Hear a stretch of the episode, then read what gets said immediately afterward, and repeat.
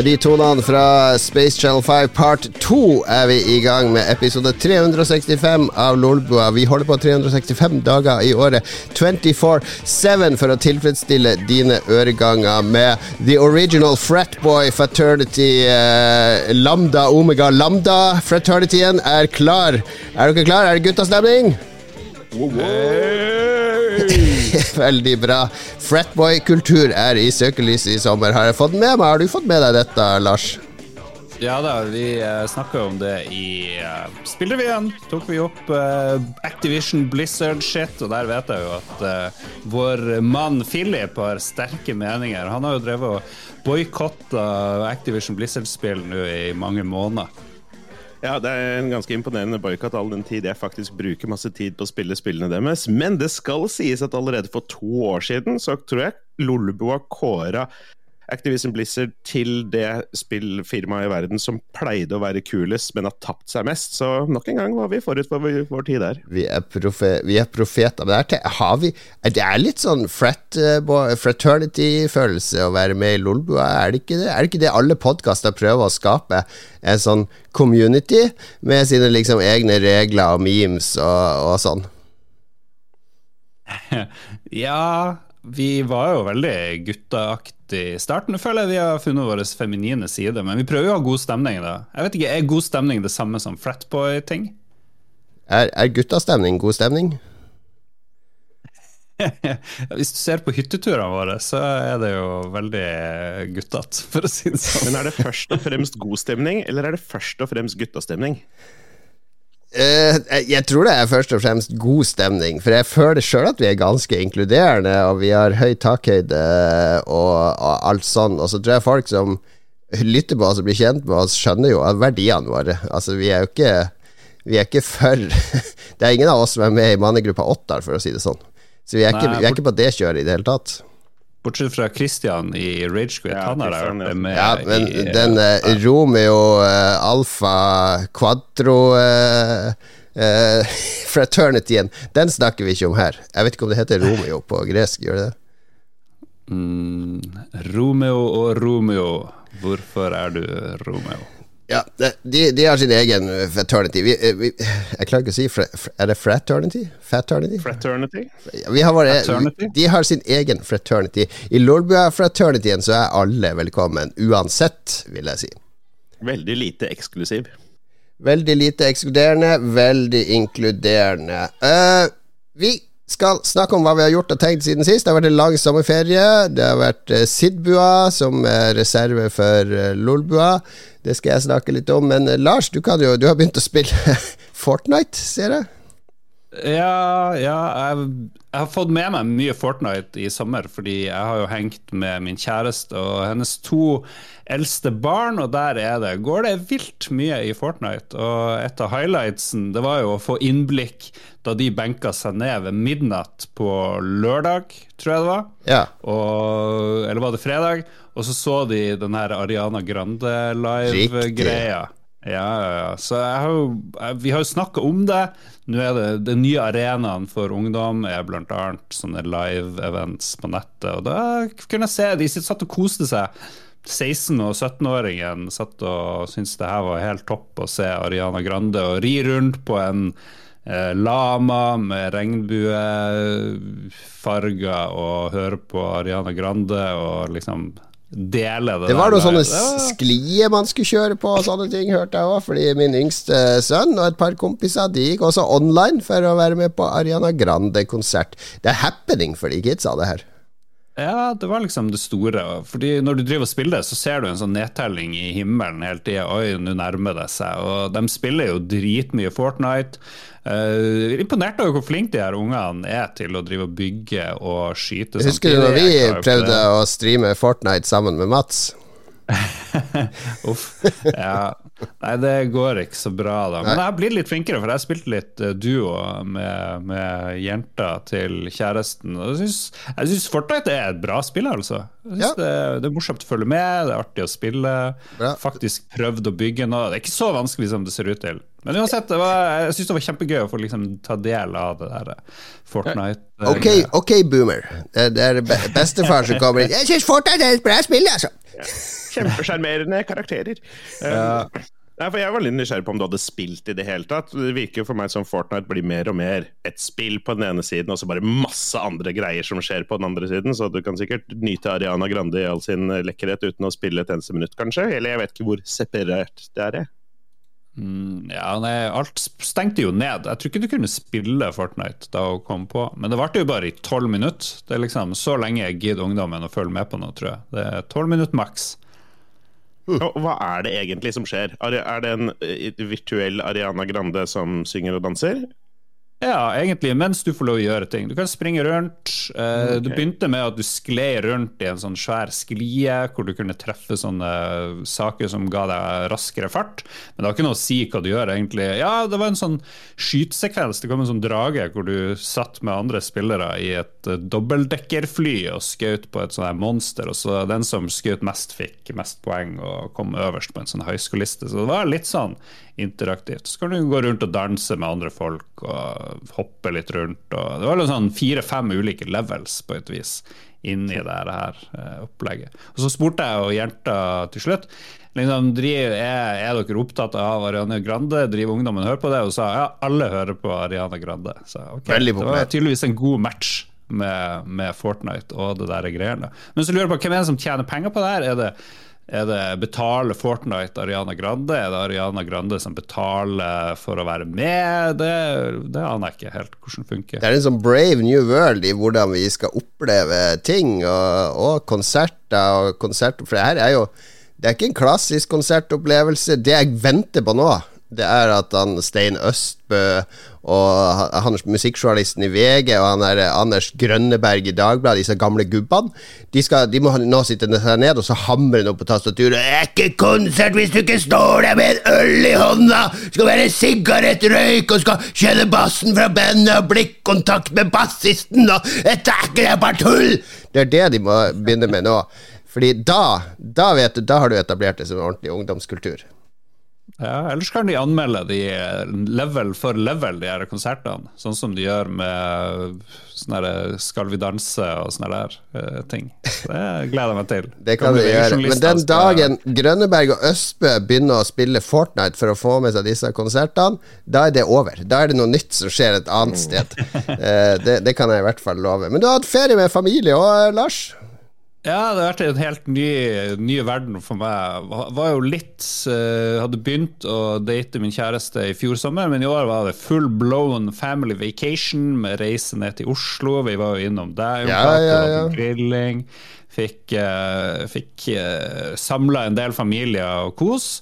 Og det må jeg si, det, det, det er en liten jobb òg, det der. Det er jo koselig, men det å liksom finne på noe hele tida til de her ungdommene. I dag skal vi hit, og i dag skal vi dit, og de skal ikke kjede seg. Det var sikkert mange av dere som så den artikkelen eh, som gikk nå før sommeren om den der familiefaren som måtte til Dyreparken i Kristiansand, og hvor jævlig det er å være småbarnsforeldre. Eh, den gikk jo sin forutsatt over ja. internett her. Jeg vet ikke, Lars, din første sommer med med, med det type ansvaret? Var det, var det artig? Jeg syns det var koselig. Ja. Det er jo hyggelig å gå rundt på kafé og gå hit og dit. Og du opplever jo mye mer enn jeg ville gjort hvis jeg og dama skulle være rundt. Så, men skulle gjerne hatt en, så skulle gjerne hatt 100 millioner på boka og kunne leid inn og sånn folk som Ja, ok, i kveld så tar dere tar dere ungene. altså de, de fleste nå, nå, Det er jo litt store barn òg, men de fleste småbarnsfamilier familier, eh, og foreldre er veldig klare. Altså, det er litt sånn ferie å komme tilbake på jobb etter ferien. For da har du ferie fra familien i eh, et par uker, når du kommer inn i jobbtingene igjen, og du har alenetid, og du har litt sånne ting. Så ja, det, det, er ikke bare bare. Ikke, det var litt sånn der ja, litt, litt, dårlig den i Dagbladet, men han, Seinfeld eller en eller annen har jo en sånn rutine på det der med Du pakker bilen, skal på to uker ferie med familien, får inn ungene, all bagasjen, får kona setter seg inn, du lukker døra til ungene, og så går du den turen da du går rundt bak bilen og inn bort til førerdøra, åpner førerdøra, setter deg inn. De ti sekundene der, det er din sommerferie. Det er, de, det er da du har fred og ro. Jeg kjenner meg litt igjen i det, men nå, nå som ungene mine er så store, så det går helt fint. Det går helt fint. Ja, nå var jo ikke Lars i, i, Dyreparken Kristiansand, jeg vet ikke om jeg dokser deg nå, men du dro jo som meg til Tusenfryd i sommer. Ikke bare én, men to, to dager. To ganger på Tusenfryd! Wow. Var det første gang på Tusenfryd, Lars? Ja, det var første gang. Jeg skal komme tilbake, komme tilbake, til det her i en senere spalte. Oh, ja. Eller anbefalingsspalten. Bare å glede seg. My god. Ok, jeg gleder meg stort. Eh, jeg kan uh, Ta min oppdatering. Jeg har hatt min eh, Tesla modell 3 på service. Det var noe sånn knirking i venstre forstang. Nå vet jeg Christian Tesla at sier Ja, det var det jeg sa til deg, Jo! Jeg skal ikke kjøpe den Teslaen! Det, er mange, mange Tesla-hattere der ute. Men uh, det ble fiksa på null. Veldig god service. Og så samtidig så var jeg jo så smart når jeg kjøpte Tesla, for da får du velge sånne oppgraderingspakker så vil du ha den der full self-driving-pakken som kommer om 200 år. eh, selvfølgelig jeg vil ha alt sånn, Fordi når jeg bestilte, så kosta det bare 9008 eller noe sånt for sånn full self-driving. Og så akkurat i den tida, rett etter jeg bestilte det, så fant jeg ut Vent, da. Den eh, FSD-greia krever jo en mye kraftigere computer, for du må jo kunne se sinnssykt mye mer ting, så det er data du skal prosessere i real time for å kunne kjøre på vanlige veier. Eh, den, den self-drivinga som er nå, er bare på motorveier. Det er ganske enkelt. Det er bare å følge med på streker og sånn. Um, så de, de, det forsvant fra nettsida når du drev og forhåndsbestilte Tesla 3.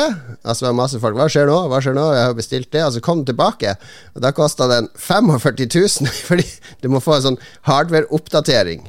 Uh, den hardware-oppdateringa tok de nå når den var på service, der, så jeg har fått sånn ny kjørecomputer, og da måtte jeg aktivere alle funksjonene i den med en gang. Så nå, på den skjermen der, så kommer dukker det opp uh, trafikklys, og hvis jeg sitter på rødt lys, så kan jeg sitte og stirre ut av vinduet og kose meg, fordi bilen sier ifra når det blir grønt for meg. Så bare, ah, ja, ok, da kan jeg kjøre videre. Masse sånne små uh, Vet oss gadgets-folk, det, det, er gøy. Det er gøy når sånne ting skjer, når bilen utvikler seg. Det høres litt livsfarlig ut, fordi nå driver jeg og kjører kjæresten sin bil, og den har en veldig grei sånn cruisekontroll, men jeg er litt sånn redd for at man følger mindre med jo mer automatikk det kommer. Hvis det kommer en elg i 120 ut fra, fra veikanten, eller en annen bil kjører rett mot deg, så føler du ikke like mye med deg. Det er min Det er jo folk som har blitt tatt fordi de har sovet i Teslaen sin. Det, det var en video på VGTV her om en fyr som sov på motorveien i ja, ganske lang tid før den automatisk plutselig stoppa i en tunnel. Han, det morsomme var jo at politiet var sånn Hei, unnskyld, du sitter alene i en bil, du har åpenbart sovet, vi har det på video. Han bare Nei, nei, jeg har ikke kjørt. Han bare transport Nei, jeg vet ikke hvordan han kom seg dit, jeg, men ja. Uh, nei, jeg er jo Har fortsatt ikke lappen. Jeg har oppkjøring om ti dager fra, dag, fra, innspillingsdag. Så det blir veldig spennende. Uh, men jeg må jo innrømme at all den tid jeg har lært å kjøre bil nå det siste året, så har jeg jo alltid drømt om det, om å kunne sitte på rødt lys og ikke følge med på om det blir grønt. Det, det høres ut som utrolig deilig. Oi, oi, oi.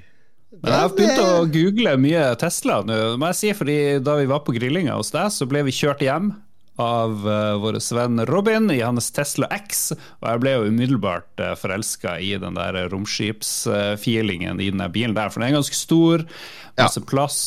Og med en gang jeg satte meg inn, så begynte Robin å trykke på den der fjertefunksjonen, så det hørtes ut som jeg drev og fjerta, så det ble jo ti minutter med comedy show. Det var da det ble solgt. Rett på nett. Hvor mye koster denne bilen? Hvor kan jeg bestille dette? Og det koster jo én million, minimum én million, eller noe ja. sånt. Altfor dyrt for meg, så da begynte jeg å se på den der modell 3. Mer patrions, folk, folkens. Mer penger på Patrion, så Lars får råd til modell X.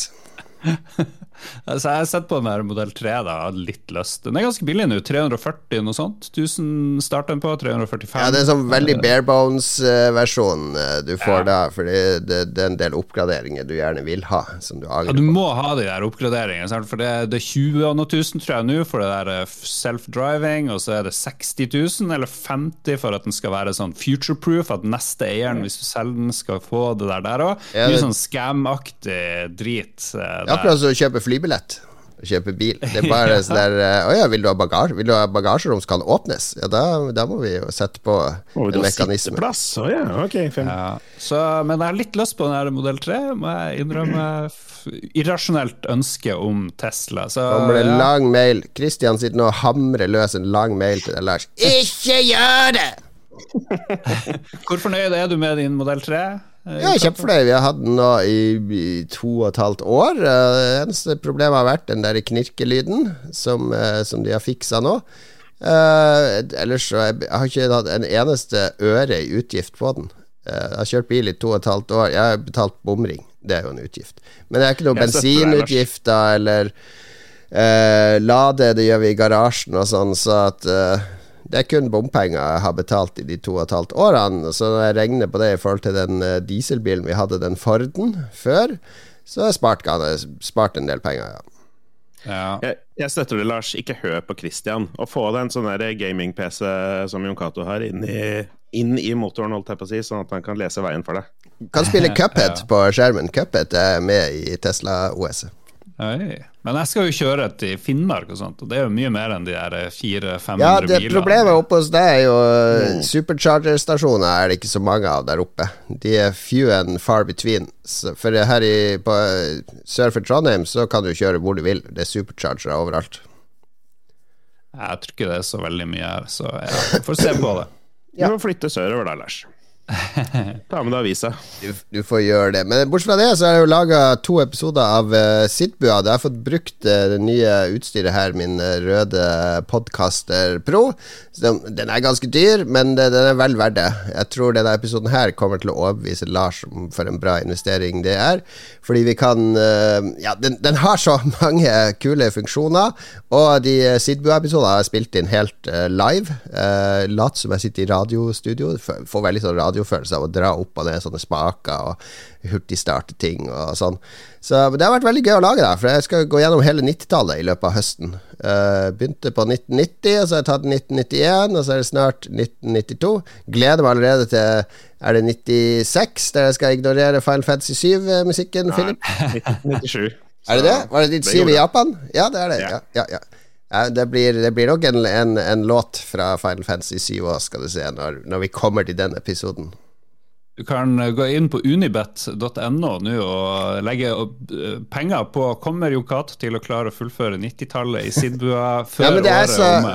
Fordi Sidbua før har vært noe herk, fordi da må jeg spille inn Hver sånn pratebolk mellom låtene må spilles inn. Eh, hver for seg, eller bare sånn jeg tar alle på rad. Og så må jeg drive og klippe og ekspandere det tomrommet mellom de og putte inn musikken manuelt og fade inn og ut. Og det, det er den der eh, post-processing-jobben og selve prosessen som er så kjedelig. Men nå er det bare å gjøre research på musikk, Last ned musikken, eh, lage den spillelista, og så lage, skrive sånn halvveis manus. Det er ikke så mye manus. Jeg tror det blir enda bedre. Jeg prøver å være sånn der eh, kul P13-dude som bare sitter og improviserer fram eh, ting og tang om tida og stedet. Og så spiller jeg inn alt live, som om det er live på radio. Og det, Da blir det mm. litt sånn performance over det, føler jeg. Performance Jon Cato. Oh yeah. Philip, da. Lenge siden vi har hørt fra deg. Ja, jeg har jo vært eh, og nytt sommeren, holdt jeg på å si, de siste par månedene. Sommerferie, korona er ikke så treffende lenger, og ting åpner opp osv., så, videre, så det har vi benytta oss av. Valgte å ikke dra til utlandet i år, selv om det er lov-ish. Broren min var en tur i Italia, og det klarte seg jo for så vidt greit, men uh, vi valgte å legge det til noe litt nærmere hjertet, og gjorde Østfold-ferie for det meste i sommer. Det har vært kjempekoselig. Ja, hva, hva, gjør man i Østfold i ferien? Oh, det er så mye å gjøre i Østfold. Uh, vi har jo Faren min bor nede i Larkollen, og der er det jo sommertype ting. Det er der den campingplassen er? Nemlig. Mange har sikkert fått med seg Larkollen camping. Ja. Jeg lurer, lurer på om jeg snappa litt fra den også, fordi der er det, det er artig å stikke innom og se litt på livet der. Det er kjempedyre campingplasser som de betaler liksom en halv million for for å bare ha muligheten til å ha campingvogna si der. Og det er jo for så vidt forståelig, for Larkollen er ganske fint om sommeren. Nydelige strender og fint Ja. vær og veldig koselig. Er du sånn campingdude, Philip? Nei, jeg er nok mer glamping om, om noe. Kjenner dere til det? Nei? nei. Ja, ja. Ja, Lars, vet du hva det er? Glamorous camping. Altså luksuscamping. Da trodde jeg det hadde noe med dogging å gjøre, at det var i det territoriet. Ja, ok, men det er mer, mer på komfort? Det kommer i, kommer i anbefalingsspalten, det. Uh, ja, det har med mer med, mer med komfort og sånn å gjøre. Men nei, jeg er ikke noen stor campingfyr. Men uh, faren min i sine pensjonistdager liker jo å bo rolig og nærme vann og sånne ting, så da er det bare å, bare å bo hos han. Ellers har vi vært en, uh, en lang helg i Fredrikstad, Plankebyen. Megakoselig. Ja, min mor og min søster bor i Fredrikstad, så er det rett som det. Jeg har også vært på rekruttskole i Fredrikstad, i selveste gamlebyen. Ja, det, der var jeg på sesjon også, da jeg var 17. Men, men hvis jeg tenker camping og sånn, det siste person jeg tenker der, det er sparkesykkel-Philip. Eh, Det, det, det passer ikke sammen i mitt hode. Hvordan gikk det, da? Nei, jeg er jo en urban fyr, så igjen, jeg det nærmeste vi kom camping, var å sykle gjennom Larkollen camping. Vi bodde jo da hos faren min, Ah. som har hus der nede, så det Du bare skrøyt. Alle de snappene fra campingplassen, det liksom, hadde ingenting med det å gjøre, egentlig. Ikke så veldig mye, bortsett fra på sightseeing. Men det, det skal jeg faktisk innrømme, det biter meg litt. For jeg har et par venner som er ganske glad i friluftsliv og sånne ting.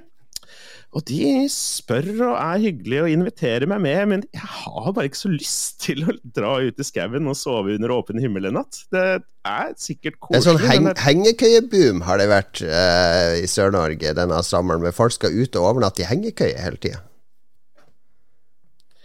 jeg vet ikke. Det er akkurat som surdeigsbrød og sånn supboards. Det er bare uh. fad. Kommer og går, kommer og går. Eh, ser du har blitt headhunta òg, har du skrevet her? Ja, det er for så vidt litt artig, for det skjedde for første gang. Er det jobb i Blizzard? Jobb i Blizzard. Ja, det er akkurat de trengte, trengte noen nye til å drive noen events rundt Blizzard, BlizzCon. Um, dere to er jo, er jo enormt suksessfulle be- bedriftsmenn, holdt jeg på å si. så Top of the world, top of the world.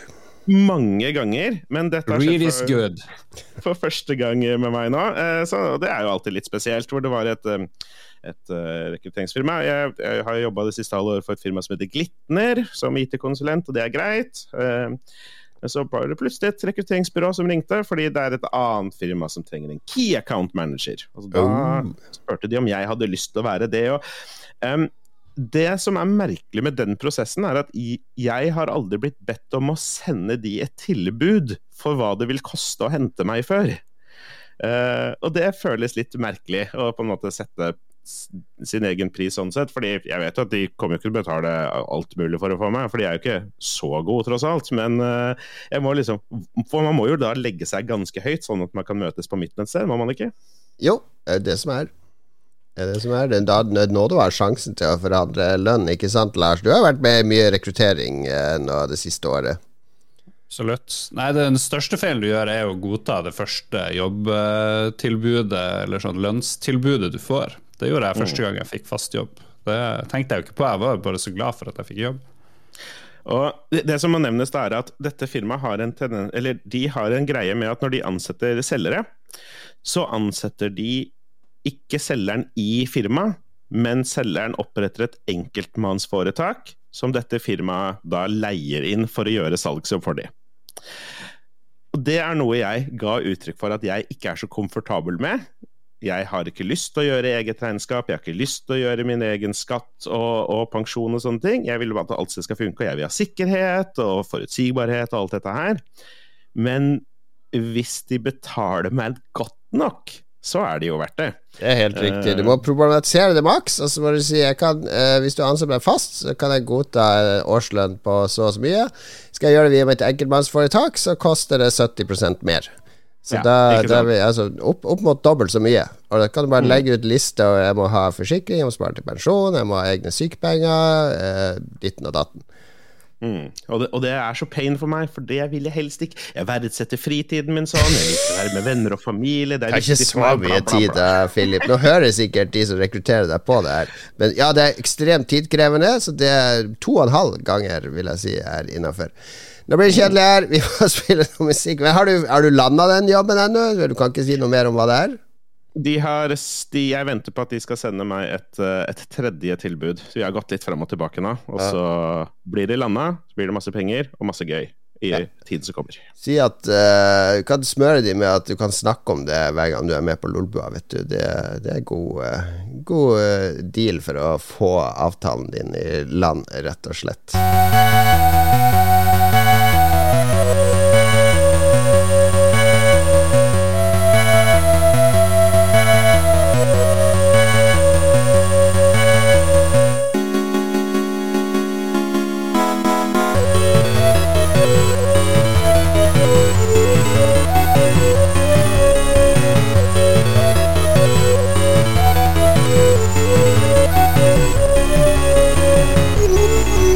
Darius Pluss er det vi hører i bakgrunnen nå. Eh, hva er ditt forhold til Darius, eh, Lars?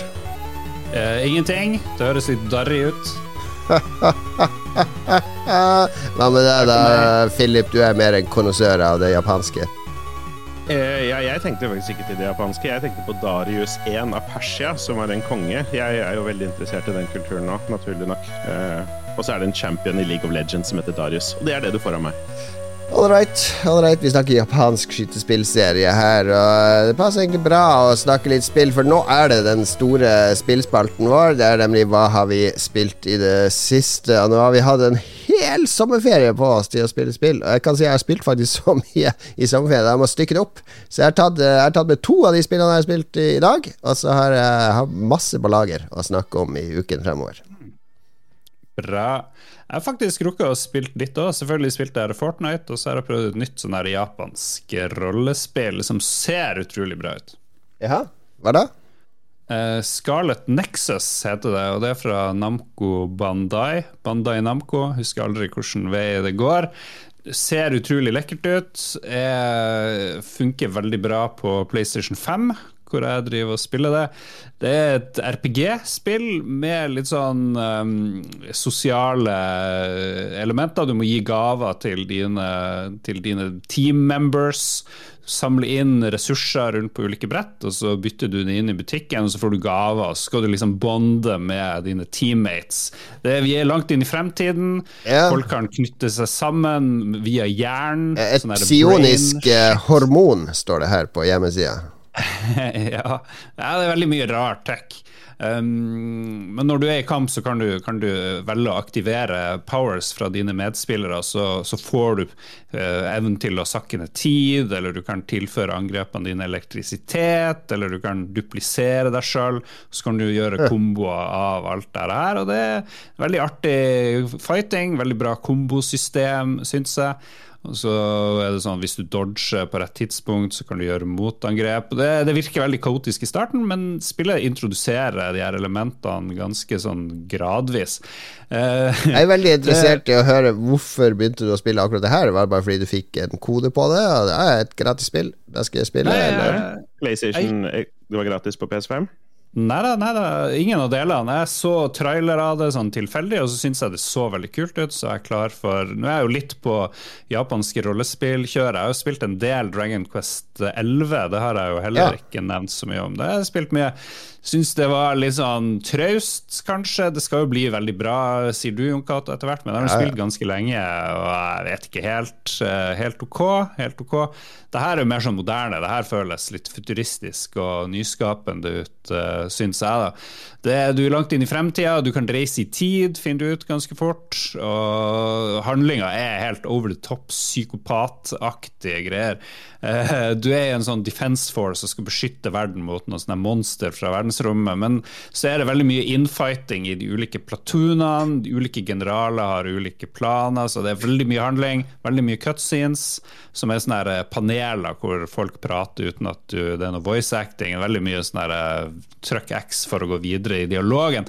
Men Men kanskje det som har opptatt meg mest, det er kanskje jeg har lært noe av det spillet. fordi de driver og backstabber hverandre hele tida og begynner å slåss med hverandre hele tida, men det gjør liksom ikke noe. Eh, de er gode venner etter eh, en liten stund. Selv om du har drept faren til noen, f.eks., eller et eller annet, så klarer dere nesten å jobbe i lag eh, videre. Så det er sånn familie De her platunene i det spillet de er en slags ja. familie, da, og da tilgir man hverandre tydeligvis nesten alt. Så jeg drev liksom tenkte, Er det her superurealistisk, eller er det mer en sånn filosofi man bør tenke over? Bare la, bare la nesten alt skli, og så bare fortsetter vi å omgås eh, og være venner likevel. Du har tatt med deg noen av, eh, av betraktningene eller opplevelsene i spillet inn i ditt eget liv?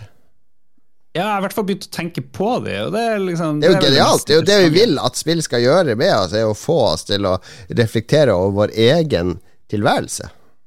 Ja, for det er litt sånn Ok, hvis noen gjør noe kjipt med meg, da, da bare i utgangspunktet tenker jeg da, da har ikke de noe plass i mitt liv å gjøre. Men kanskje man bør være sånn kjempesjenerøs. Bare la det meste skli, egentlig. Og kanskje må vi selvfølgelig prate om det i en cutscene ja. eller i det virkelige liv. men, er det virkelige men, liv bare en samling cutscenes, eller er det hva, hva er gameplayet i det virkelige liv? Ja, det lurer jeg på. Vi er jo i en sånn jobbsimulator da, stort sett uh, hele tida. Sosial jobbsimulator. Ja. Uh, men men man kan samle inn ting, man kan gi gaver til folk, prøve å øke bond, bond, bondingnivået i gruppa og med enkeltpersoner. Uh, og at det er livet, da. Og glemme litt mer de her konfliktene og, og de kjipe tingene.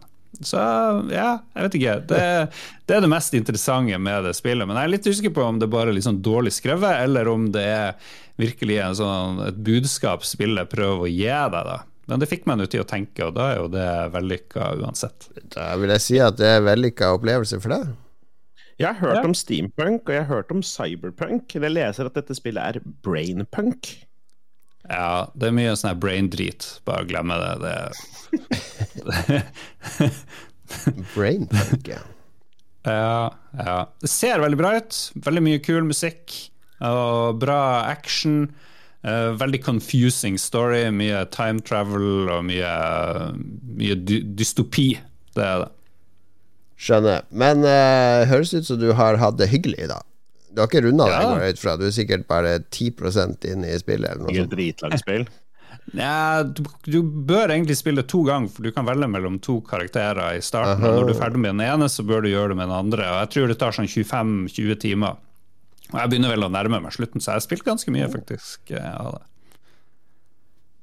All right, Philip. Eh, skal du ta ett av dine, så kan jeg ta ett av mine. Så kan vi hoppe litt sånn frem og tilbake. Så blir det veldig sånn dynamisk og god radio. Oh, veldig hyggelig. Um, jeg har snakka om Mass Effect tidligere i sommer. I ja, du streama, streama jo det òg når du begynte å spille den remaster-versjonen. Ja, full, eh, full fest med Legendary Edition her før sommeren. Og spilte gjennom Mass Effect 1 på stream, spilte gjennom Mass Effect 2 på stream, starta Mass Effect 3 på stream. Uh, og så kom jeg halvveis, og så, og så har jeg dette litt av.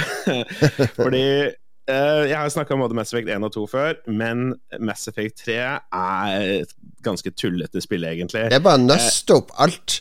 Alt fra de to første. Det er, det er kun uh, closure for, for alle de løse trådene, liksom. Ja, og, og, det er egentlig en fordel for spillet, føler jeg. For i den grad Mass Effect 2 var på en måte et sidemission til hele trilogien, så er Mass Effect 3 har Den kan avslutte, den kan avrunde, den kan velge hvordan dette her skal nøste sammen, og så liksom Bam! Her er en kul opplevelse. I stedet så blir jorda angrepet liksom som det første som skjer. Og så drar du ut i verdensrommet og bruker 50 timer på å hjelpe diplomater med å dekke sidesprangene sine mot betaling, mens jorda antageligvis, I guess, er under angrep hele tiden. Og bare hvordan det ikke har noe å si i det hele tatt for noe som helst, er bare litt tullete. Alle damene har kjempestore pupper plutselig. Alle gutta er dritkule og tøffe og macho og Jeg vet ikke. Det, jeg er veldig skuffa over Mass Effect 3. Jeg huska ikke at det bare var så usjarmerende, da. Nei. Bare litt sånn pliktarbeid, kanskje, fra folk som eh, kanskje de, de som brant for Mass Effect, hadde beveget seg videre til andre prosjekter. Så nå var det liksom Mass Effect-fans som nylig har blitt rekruttert, som fikk lov å avslutte hele greia. Jeg vet ikke. Ja, kanskje. Samtidig så er det spillet eh, det er ganske annerledes enn de to forrige i at det er så utrolig cinematisk. Ja. Um, alle kameravinkler er liksom valgt for å vise ting på en kulest mulig måte for en actionsekvens eller lignende, uavhengig av hvordan det påvirker gameplay, fordi det er liksom ikke det viktigste. Det viktigste er at det skal se dødsfett ut og være skikkelig tøft. Mm. Um, så ja, det virker som de har valgt å gå en vei som legger litt mindre vekt på at det skal være ålreit. Ja, jeg syns dette er gode observasjoner, Philip. Det er ikke noe jeg har fått med meg i diskursen rundt spillet tidligere, som har bare vært overskygga av Du skal ikke ha en sånn slutt! Jeg kan ikke slutte på den måten! Må fikse den slutten med en gang! Mens du har jo en mye mer nyansert eh, bilde av hvordan hele spillet egentlig er litt sånn venstrehåndsarbeid, er det jeg hører fra deg. Tidligere spillanmelder, vet du, Jan Cato. Oh, yeah, yeah. Jeg likte jo Mass Effect-serien, og syns jeg jo trea var veldig artig som et combat-spill. Jeg husker det mest som et skytespill, og så likte jeg veldig godt den der multiplayer-delen. Du spilte jo bare multiplayer Mass Effect. Det eneste i verden ja. som savner multiplayeren i Mass Effect. Nei, det var, vi var mange. Vi var flere. Minst ti som spilte Minst ti stykk. Før vi forlater eh, Ja? Jeg, jeg bare veldig lyst til å si at for å avslutte Mass Effect 2, så eh, på et tidspunkt så må vi bare snakke om sexscener i spill, for det må bare kuttes ut. Det er det, Bare få det vekk av spill. Det er ikke et eneste spill som har gjort en sexscene bra. Det er alltid kjipt. Det, nei, det, er bare, det, er så unødvendig. Få det vekk, vær så snill. La meg slippe å se det noensinne igjen. Du, så, du, du, som elsker sex og har trekant hele tida, og sånn, Philip, og så skal du ikke ha det i spillene dine? Hva, det her er et uh, paradoks. Uh, nei, det er bare er ikke, Det er ikke spennende nok. Kanskje det er jeg det er jeg som er for, for, jeg har for et eventyrlig privatliv til at uh, sexy spill ikke ja, klarer å tenne meg på samme måte som de gjør med dere, åpenbart. Nei, nettopp, nettopp. Det kan ikke måle seg Nei da. Det er uh, så, lenge, så, lenge, David Kars har regien på sexscenene, så vet du at de blir bra. Det blir alltid bra da, Philip. Det vet du. Ja, og tilbake til, til Heavy Rain. Heavy Rain Vi skal uh, Siste rollespill uh, før vi går videre til andre typer spill. Uh, eller nei, det er ett rollespill til, ser jeg. Men jeg har spilt et av de første japanske rollespillene, nemlig Final Fantasy 1. Um, mm. Det var, var, japanske rollespill før det, altså, men Final Fantasy 1, 2, 3 har kommet ut i sånne remaster-versjoner på Steam. Eh, fire, fem og seks kommer i løpet av høsten, så jeg begynte da selvfølgelig på, på nummer én. Uh, har prøvd det før, i Gameboy remaster-versjonen i sin tid, der jeg falt av etter en stund, men nå tenkte jeg nå skal jeg ta, ta streame litt for, for seerne, lytterne våre, og, og, begynne i Final Fantasy 1 og ha det litt gøy. Og det, det, har vært Det var overraskende faktisk gøy og engasjerende å spille, fordi de har, de har remastera det på en sånn måte at de har beholdt pikselgrafikken, og det føles som et et uh, klassisk uh, japansk rollespill, men det går mye fortere. Altså Kampene går fort. Det er ikke noe loading. Det går egentlig fort å bevege seg. Uh, mye sånn quality of life-småting som de har gjort, som bare gjør at det føles autentisk, men det er egentlig uh, pussa på sånn at det skal bli gøyere å spille. Uh, så jeg, jeg lagde selvfølgelig Lolbua som party, siden jeg skulle streame. Så fighteren, det måtte jo bli Mats, selvfølgelig. Det er jo han vi, vi gjemmer oss bak hvis det blir krig. Uh, tyven, det ble Lars. Tyven er jo karisma, sjarmerende sjarmør, så det ble Lars. Så tok jeg meg sjøl som white mage. Er jo den som holder liv i partyet, som uh, liksom healer og, og, og, fikser på ting. Og så fikk du, Philip, da bli black mage. Og det skjønte jeg ikke at det kunne være noen rasistiske undertoner før jeg liksom trykka start. Så bare Nei, nå kommer noen i chatten. Hø-hø, Philip er black mage, ja, hø-hø. Men heldigvis skjedde ikke det. Jeg fikk masse meldinger på, på, på Discord og sånn. 'Har du sett hva Jon Cato gjør på stream nå, eller?' Men jeg tenkte ikke på det i det hele tatt. Og sånn har det blitt, ikke sant? Jeg må, jeg, jeg, må, man blir var på sånne ting, rett og slett. Da. Men du har vært en meget bra blackmage så langt, Fordi du, det er du som har area of effect-spills. Altså, jeg kan jo mm. turne undead med dia-spillet. Da kan jeg turne uh, obliterere en hel gruppe med skeletons eller zombies eller sånn. Mens når det kommer litt sånn ogre og vanskelige karer, så er det Da må jeg ty til Philip, som bare slenger ut en Tundara eller en Fira og, og blæster hele gjengen uh, til himmels. Men hva syns du om, om Final Fantasy 1? Jeg, jeg husker jeg plukka det opp etter at jeg ble på en måte feilrista av Final Fantasy på, på PlayStation 1. Uh, men jeg syns det var litt vanskelig å gå, gå, så langt tilbake. Final Fantasy 6 for eksempel, er kjempebra fortsatt, men uh, ja. jeg sleit litt mer med de første. Ja, det, det, er ikke Det som det mangler i forhold til det vi er vant til fra japanske rollespill, er jo disse at de, Det er jo ikke karakterer. Altså De fire hovedpersonene er jo bare person A, B, C og D som du bestemmer klassen til. Så de har ingen uh, De har ingen dialog, de har ingen sidestories, de har ingen origin.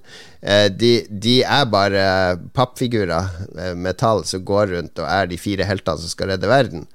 Så det elementet er jo helt borte. Men så er det Og så er det en veldig sånn klisjéverden med dverger og alver og og, og, sånt. Så du mangler litt av den verdensbygginga òg. Men det er et eller annet der. Det, altså Den remastera musikken holder meg gående. Det er veldig fokusert hva du skal gjøre, hvor du skal. Eh, fiendene har karakter, så jeg koser meg. Det er jo lettbeint. Det er ikke så Ja. Lettbeint, eh, klassisk japansk rollespill. Så jeg ville anbefalt deg å prøve det på nytt nå på Steam. Det, det mm. funker for meg. Jeg skal, skal, vurdere det. Det er jo et spill som har en ganske fascinerende historie. Lang historie kort. Squaresoft var i ferd med å gå konk osv. Og, så og så ble dette spillet lagd som en Final Fantasy, et siste forsøk på å lage et spill som ble kult, og så mm. ble det en enorm suksess. Og, Akkurat som så, ja. Rovio holdt på å gå konk, og så var Angry Birds siste krampaktige spill, og the rest is history, som de liker å si. Skal vi ta ett spill til? Jeg kan spare mitt andre spill til neste gang. Men du, Philip, er ikke med hver gang. Og jeg vil, jeg vil gjerne høre Jeg vil ikke høre så mye om WoW. Eh, Nei, bra, jeg, det er ikke lov å snakke om Blizzard. Ok, du kan få snakke litt, litt om det. Bare ikke nevn hvem som har laga det. Ja, jeg, jeg, vet ikke, jeg syns det er vanskelig, fordi jeg syns fortsatt det er litt gøy å spille det. Selv om spillet egentlig suger helt jævlig nå. Jeg hater det, men det er litt gøy. Og så har jeg egentlig ikke lyst til å støtte de som driver og lager det, men så er det jo gøy å spille, da, så jeg gjør det, I guess. Men noen andre som jeg gjerne støtter men Kjapt spørsmål der. Er det, noe, er det noe prat i chattene og sånn, og i gilder i spillet om Blizzard? Er det, er det alt folk prater om, eller er det bare uh, er, det, er, det, krig? Er det en, en, kulturkrig i spillet? Der folk Jeg støtter Blizzard uansett, og noen som bare Jeg hater spillet, jeg skal bare ødelegge for alle. Um, jeg tror det hjelper mye til den ene eller andre siden at spillet ikke er særlig godt for tiden. Vi er på en måte i en, i en patch, i en expansion, som har veldig mange svakheter. Um, men generelt sett så er det jo litt sånn du var inne på at Blizzard har en helt sånn unik kultur med brukerne sine, og å være fans av, av, konseptet Blizzard og de som lager det, mm, og mm. fangirl og alt mulig. Og så, så det sitter Jeg, jeg må innrømme at jeg ser veldig mye at man vi legger, Alle legger merke til det, at dette skjer. Og så snakker vi kanskje ikke så mye mer om det, fordi hvis vi snakker mer om det, så må vi ta inn over oss at vi faktisk betaler månedlig til disse folka. Og det ja. man kanskje ikke. Det er, så, det er full denial i World of Warcraft. Nei, nei, nei, det er akkurat det. For linkene deles jo. Når dette skjer, så linkene deles jo hele tiden. Og alle liksom Det er snakkes Å, nå ble han snakket om, og, og det, har du hørt denne historien, og sånn. Men å ta, ta det ta det derfra igjen da til å ja, kanskje vi ikke skulle støtte dette med penger. Det er det, det steget sitter langt inne. Er det litt som en søskenflokk uh, i en familie med alkoholisert far? Som eh, alle vet at pappa drikker for mye og slår av og til og sånn, men vi bare holder hodet lavt, og så vi, vi er nå her. Håper at det ikke er deg i kveld. Noe sånt. Håper at det ikke er meg som skal på Cosby-rommet i kveld. Noe mye koseligere ja. som eh, mange av, eh, av, kanskje ikke deres generasjon, men min og yngres generasjon har et forhold til, er jo Pokémon.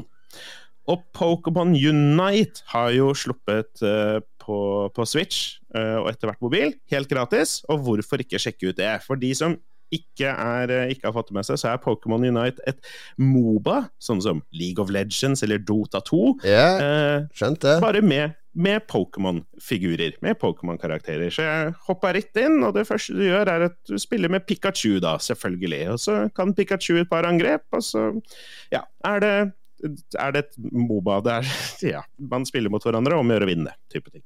Ja, men det er litt sånn Mobile Light, fordi kampene tar ikke en halvtime, tre kvarter.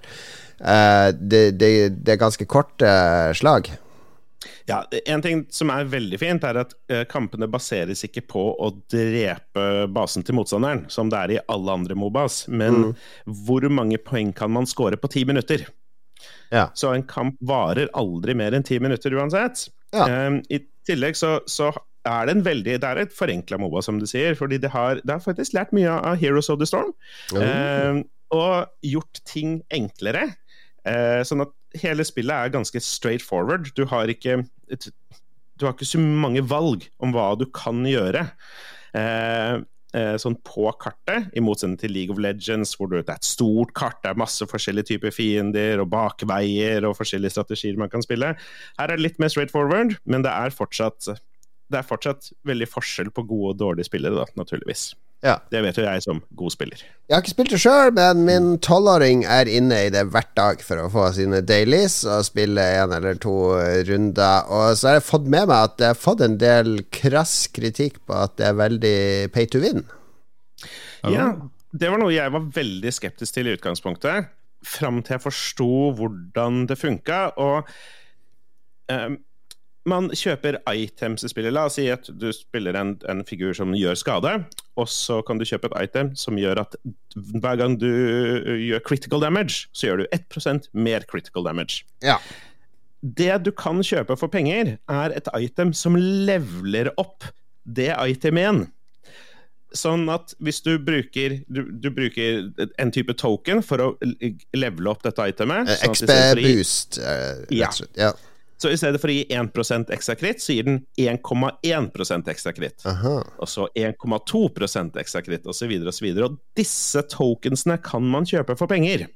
Ja. Og det å da levele opp alle itemsene man bruker til maks level, som da er 30, det gir deg en veldig god, uh, god fordel mot de som har, uh, har ingenting, holdt jeg på å si. Ja. Så det er, et, det er et, aspekt der hvor du kan, du kan, booste figuren din veldig kjapt ved å gjøre disse tingene, eh, så at du får en, en statistisk fordel. Eh, er, er, det ikke matchmaking, da? Sånn at de som har brukt 100 000 kroner og har makslevel på alle angrepene sine, blir matcha med lignende, eller?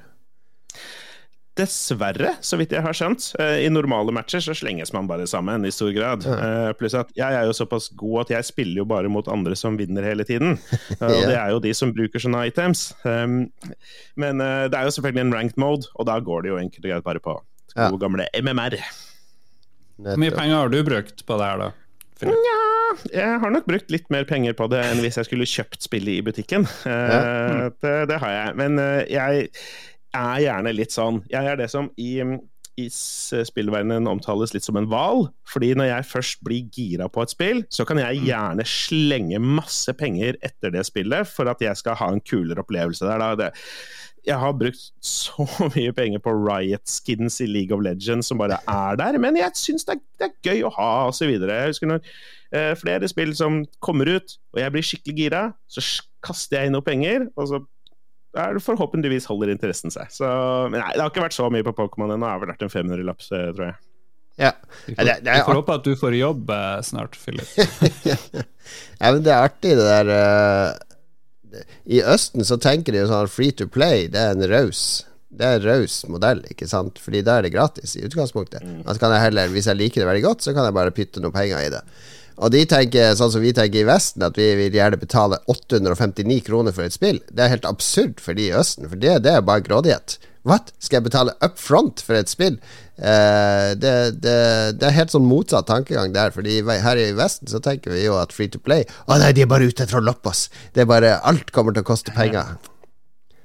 Ja, og de er jo Pokémon Unite er veldig flinke på å få deg til å ville logge. Du nevnte det at sønnen din logger inn. Man må logge inn daglig, for ja, får man bonuser. Man må gjøre et par ting hele tiden, og jeg er også veldig i den modusen nå hvor jeg har switchen liggende et sted, hvor jeg kan liksom enkelt plukke den opp, sette meg ned i sofaen mens dama spiller Cyberpunk, og så, og så bare kommer jeg innom det daglige greiene. Og det er blitt en rutine nå, så de er flinke på å dra deg inn.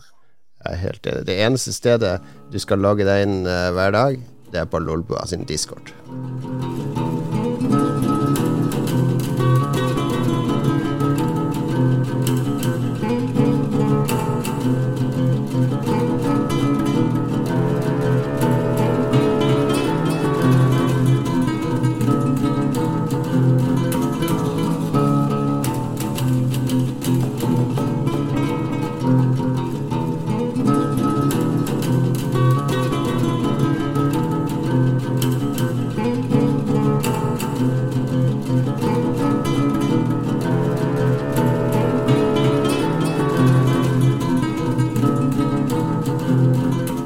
Skumle toner der fra indiespillet Devil Whisky, som jeg tenker at det ikke er et menneske i Norge som har spilt. Av og til så er det det mest obskure jeg klarer å finne som, som ender opp her.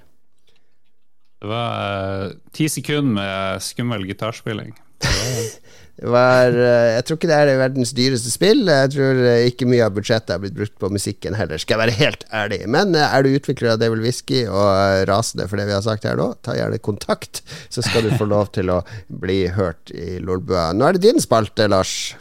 Jebbedu. Det var noen som lurte på hvor den Jeg tror vi har bare hatt den én gang. Spalten Trailer Trash, hvor den ble av. Og den vender nå tilbake. Hvor vi ser en trailer i lag av et eller annet.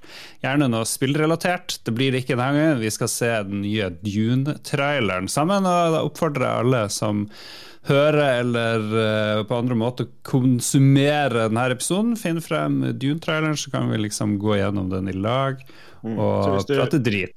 Så hvis du vil pause, pause podkasten litt nå og gå og finne fram YouTube, så går du til youtube.com slash watch spørsmålstegn V er lik Z6 LCD7 NY det, Ingen skal stoppe meg? Nei?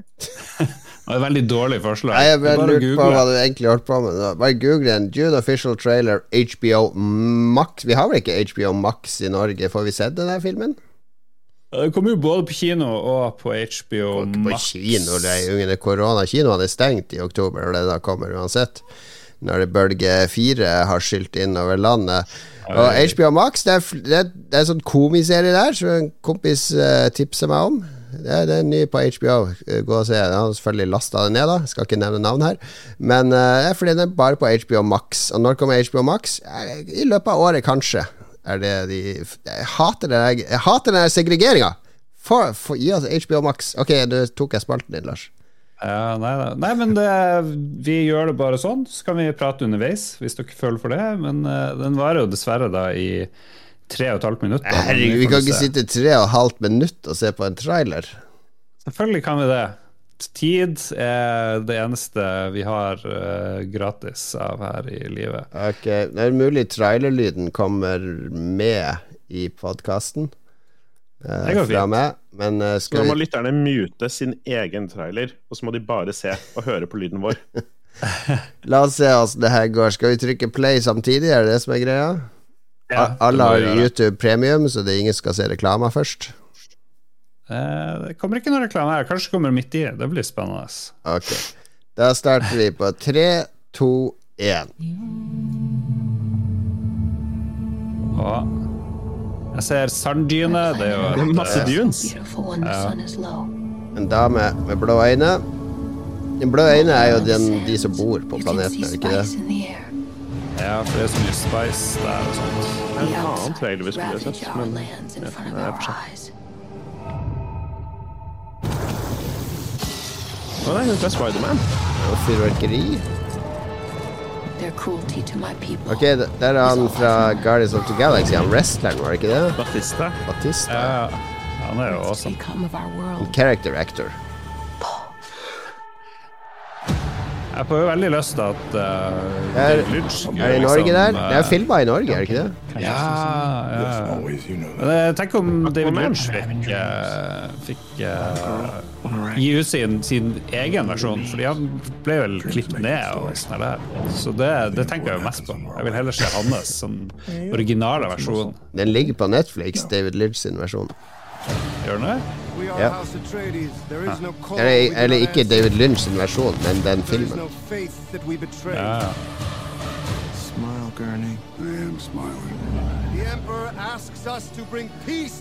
Eneste minus er at den der eh, Villeneuve, han som lagde den der remake eller fortsettelsen av Blade Runner som har laget denne her. Så da blir jeg litt skuffa, eller uh, skeptisk. Fordi jeg syns jo ikke den der Blade Runner, nye Blade Runner var så veldig bra. Da. Gosling? Jeg trodde de fleste likte den. Jeg.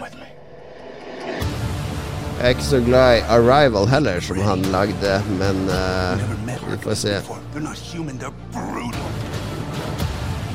Duke's son sees too much. Ja. Det ser veldig dune ut, da. Ja da, det er bra visualisering av det universet. Å, det er sprengt i dødsstjerna. Hvor er de ormene? Det har ikke vært noen ormer. Sparer vel til slutt. Det er bare halvveis i trailer. Det er verdens lengste trailer. Ja, overraskende lang.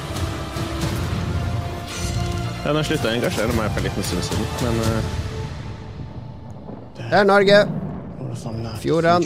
Det var filma på Nordvestlandet, tror jeg. Å, nå kom en arm. Sa brura. Så akkurat ut som David Lynch sin arm. Sa brura.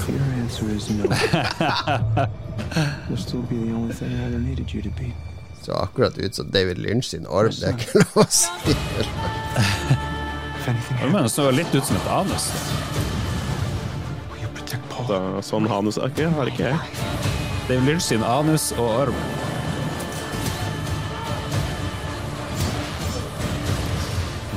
Fikk jeg lyst til å spille det første Dune-spillet. Det RPG-aktige. De gjorde ve- Det var veldig mye mer action her enn det vel egentlig er i boka. Jeg husker ikke. Det er jo noe opprør og Så mye action i Lynch-filmen heller. Der er traileren ferdig. Yes. Oi, oi, oi. Ja da. 2. oktober, hvis vi er heldige. Ja, er vi Ja. gira på Dune? Uh, ja, jeg, jeg syns det er litt vanskelig, for jeg har lest boka, jeg har sett Lynch-filmen, jeg har lest boka to ganger, så jeg liker jo Dune veldig godt. Og så eh, føler jeg at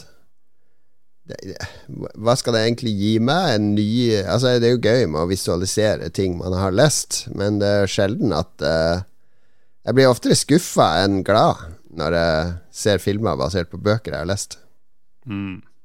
Og dette skal dekke første halvdel av boka. What? Ikke hele boka? Det er inntrykket mitt at, det, at det, it is the first of a plan two-part adaptation of the novel bla, bla, bla, bla, which will cover roughly the first half of the book. Ja, jeg må innrømme, jeg hadde ikke sett traileren fordi jeg hadde ikke lyst til å spoile meg sjøl, men da det kom uh, request om uh, Trailer Trash-spalte, så tenkte jeg ja, da kan vi se en trailer jeg egentlig hadde lyst til å se, men jeg følte ikke at den ga meg noe sånn spesielt mye. Jeg angrer litt på at jeg har sett traileren, for du har liksom sett alle de kule scenene. Det er jo, Trailere er jo liksom Jeg vet ikke, hvis jeg, hvis jeg ikke er interessert i det hele tatt, da kan jeg se traileren, og så kanskje jeg blir overbevist. Men hvis jeg er interessert i noe, så prøver jeg bare å styre unna alle trailere som fins. Jeg vet ikke om dere er sånn. Um, jeg var sånn før, men nå er Altså, denne traileren er tre og et halvt minutt, så den viser jo da Du har basically nå sett, eh, hvis du ganger det med fire Du har sett 2,5% av filmen nå. Eh, hvis filmen var i to timer. og, og så har du sikkert sett de der oh shit momentsene. Uh, 10 av de kuleste øyeblikkene, eller kanskje 20. Ja, ja, ja. Ja men jeg føler Det jeg liker med moderne trailere Jeg hater jo moderne film, det vet jo alle. Jeg ser jo bare jeg, Den helga her har jeg sett to westerner fra 60-tallet. Obskure Spaghetti. western. Det er en sånn westernbølge som er mellom de klassiske John Houston-westernene og når Sam Peckinpah kom, som har en litt sånn egen identitet, så nå driver jeg og fordyper meg i de. Men jeg hater jo moderne film, så det jeg liker med moderne trailere, er at du, de, de går liksom gjennom hele handlinga fra start til slutt. Eller de, de går så langt med handlinga at jeg vet åssen det slutter når jeg ser traileren. Så jeg føler at nå trenger jeg egentlig ikke å se filmen. Det er sjenerøst, jeg har eh, lite fritid, så da, da Jeg kan heller se trailere enn filmer av moderne filmer. Ja, ja. Så jeg skal Nei, sikkert jeg se. Dune. Eh, ikke på kino, det gidder jeg ikke, men når, hvis vi en gang får HBO Max, så kommer jeg til å se den sammen med min kone. Eh, så, så kan hun få bedømme om det er bra film eller ikke.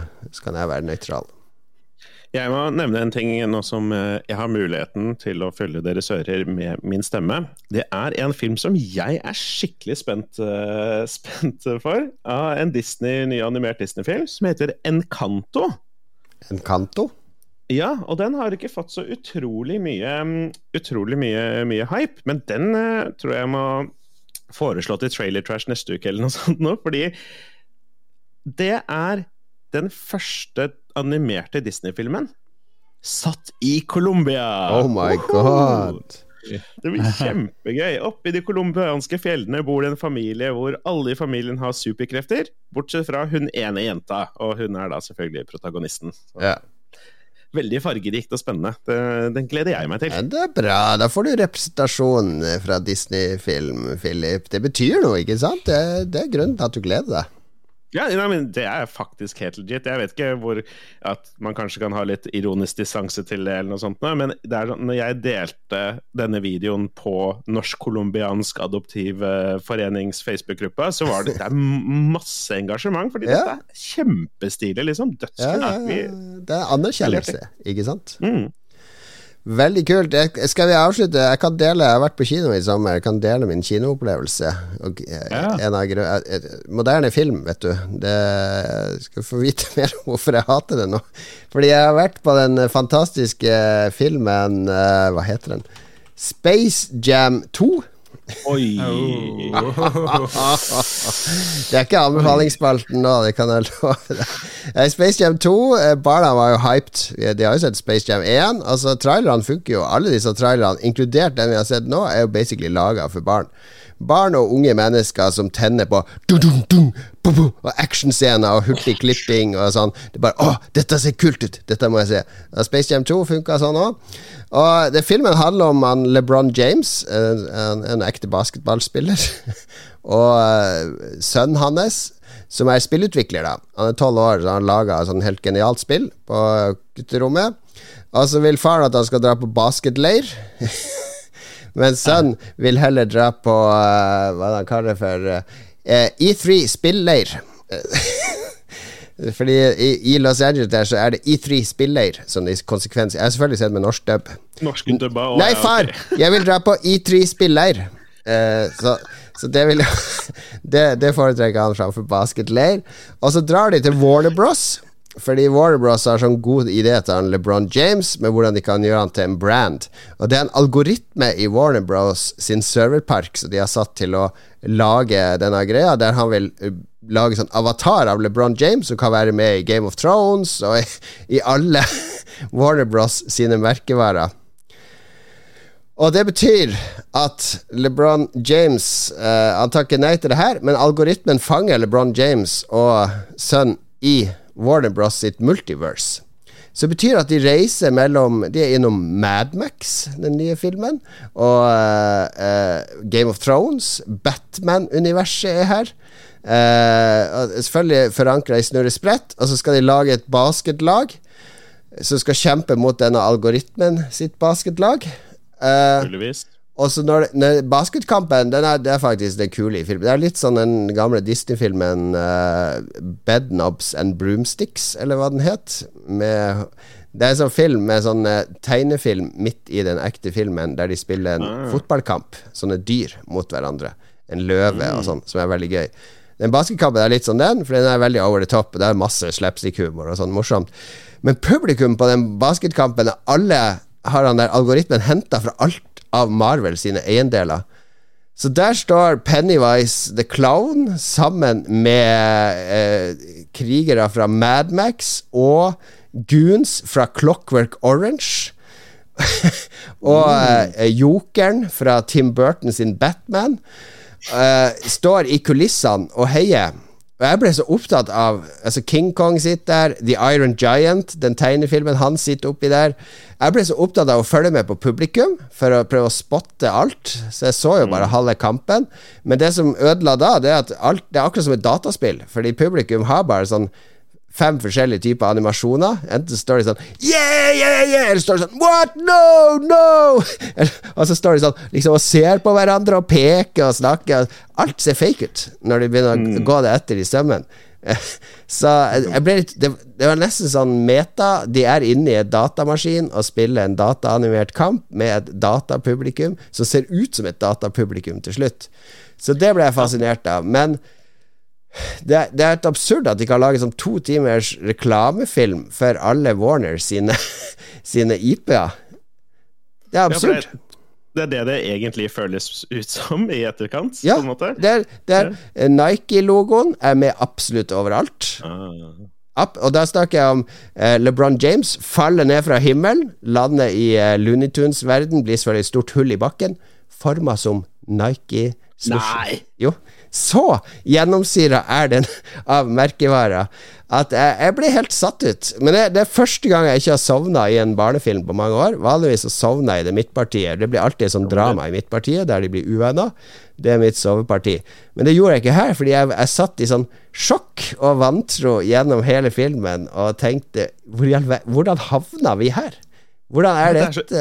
Det virker shameless, liksom. Det er helt totalt skamløst. Det har alltid vært produktplassering og liksom drevet med den type ting, og alt det er for så vidt greit nok, eh, spør du meg, på en måte, men når du blir såpass på en måte ikke noen form for skam, og bare trykker de logoene i trynet ditt ved hver anledning, så høres det ja, direkte usjarmerende ut. Det, det, er, det var beyond alt. Thank you.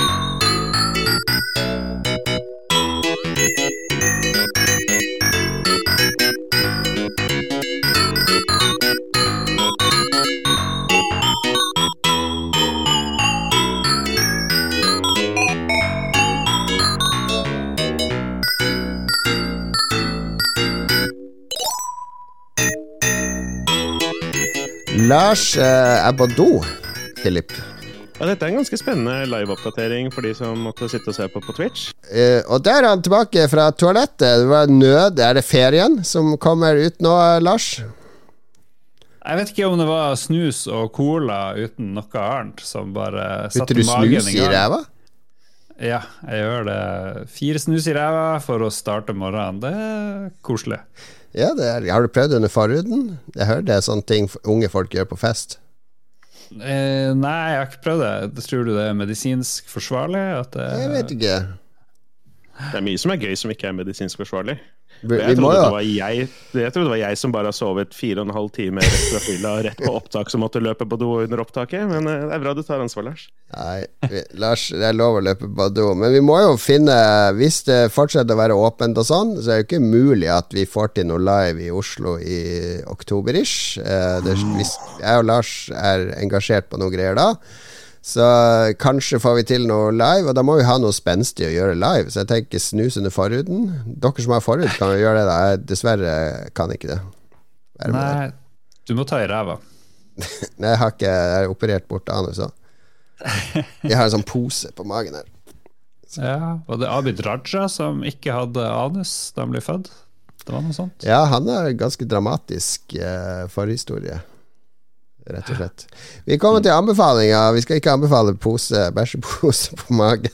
Det ble en feil start på anbefalingsspalten. Og ikke snus under forhuden.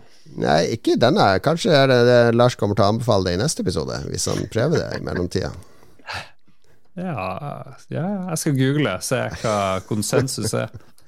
Jeg kan ta anbefalinger først. Jeg har uh, en app jeg skal anbefale som fås til din, uh, i hvert fall til iPhone, men jeg tror den er ute på Android òg. Den er ikke ny.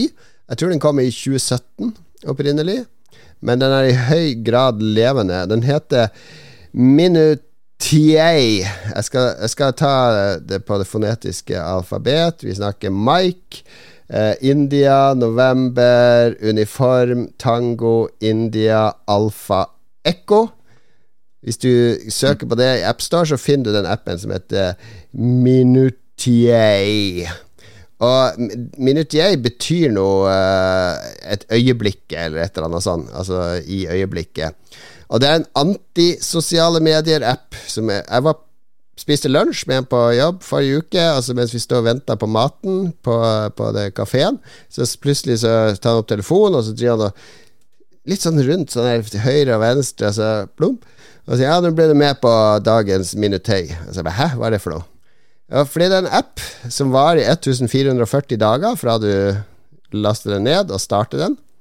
Og hver dag det er, det er, noen hundre tusen som har denne appen. Hver dag på nøyaktig samme tidspunkt verden over, på et random tidspunkt, så får du en beskjed fra appen du har ett minutt på deg til å åpne kamera.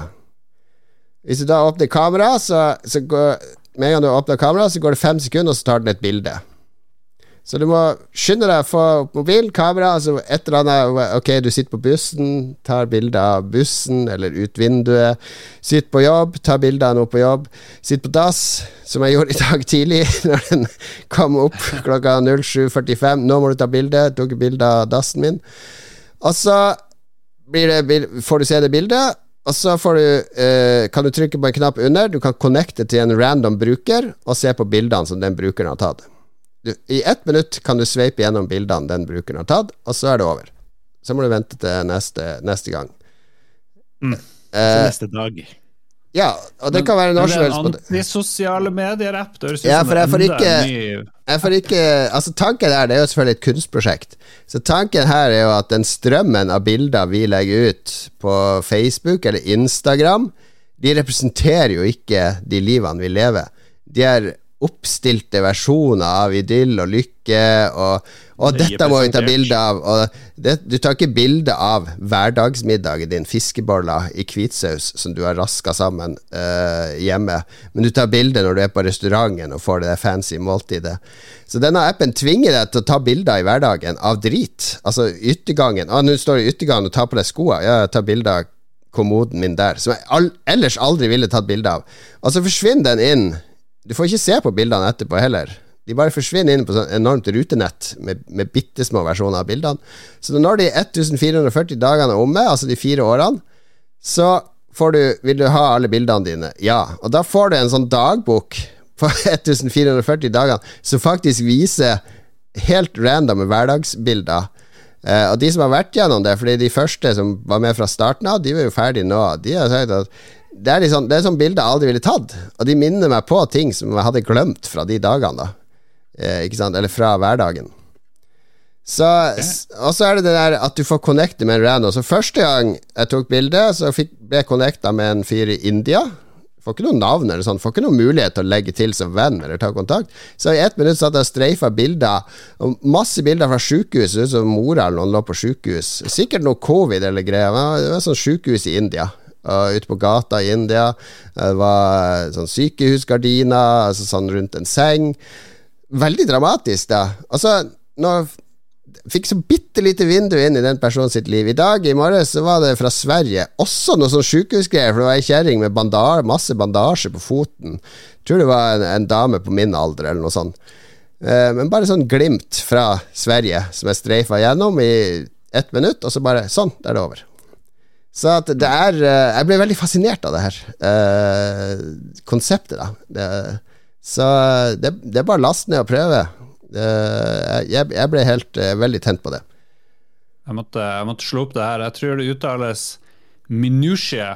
Minutia. Veldig rart ord. Det er et ord på engelsk. En definisjon er 'small and often not important details'. Ja, nettopp. Som penisen til Hæ? Oh, oh, oh. Jeg har ikke fått noen nakenbilder opp, men uh... Nei, for det, det, tenkte jeg på, at liksom, dette høres ikke særlig trygt ut for en som har et så uforutsigbart seksualliv som meg, uh, og da plutselig skal du opp med kamera, på en måte. Men uh, jeg håper det er en eller annen der ute som bare har skikkelig committa til å dele uh, penisbilder, og han sitter klar liksom når som helst på døgnet. Å, oh, shit! Altså, er det bare på Å, oh, gjør den hard! Gjør den hard! Okay. Vi får se, vi får se. Jeg, jeg, vet ikke om det er noen rapportering der. Men altså, Mike India, November, Uniform, Tango, India, Alfa, Ekko Er du imponert over mitt fonetiske alfabet, Philip?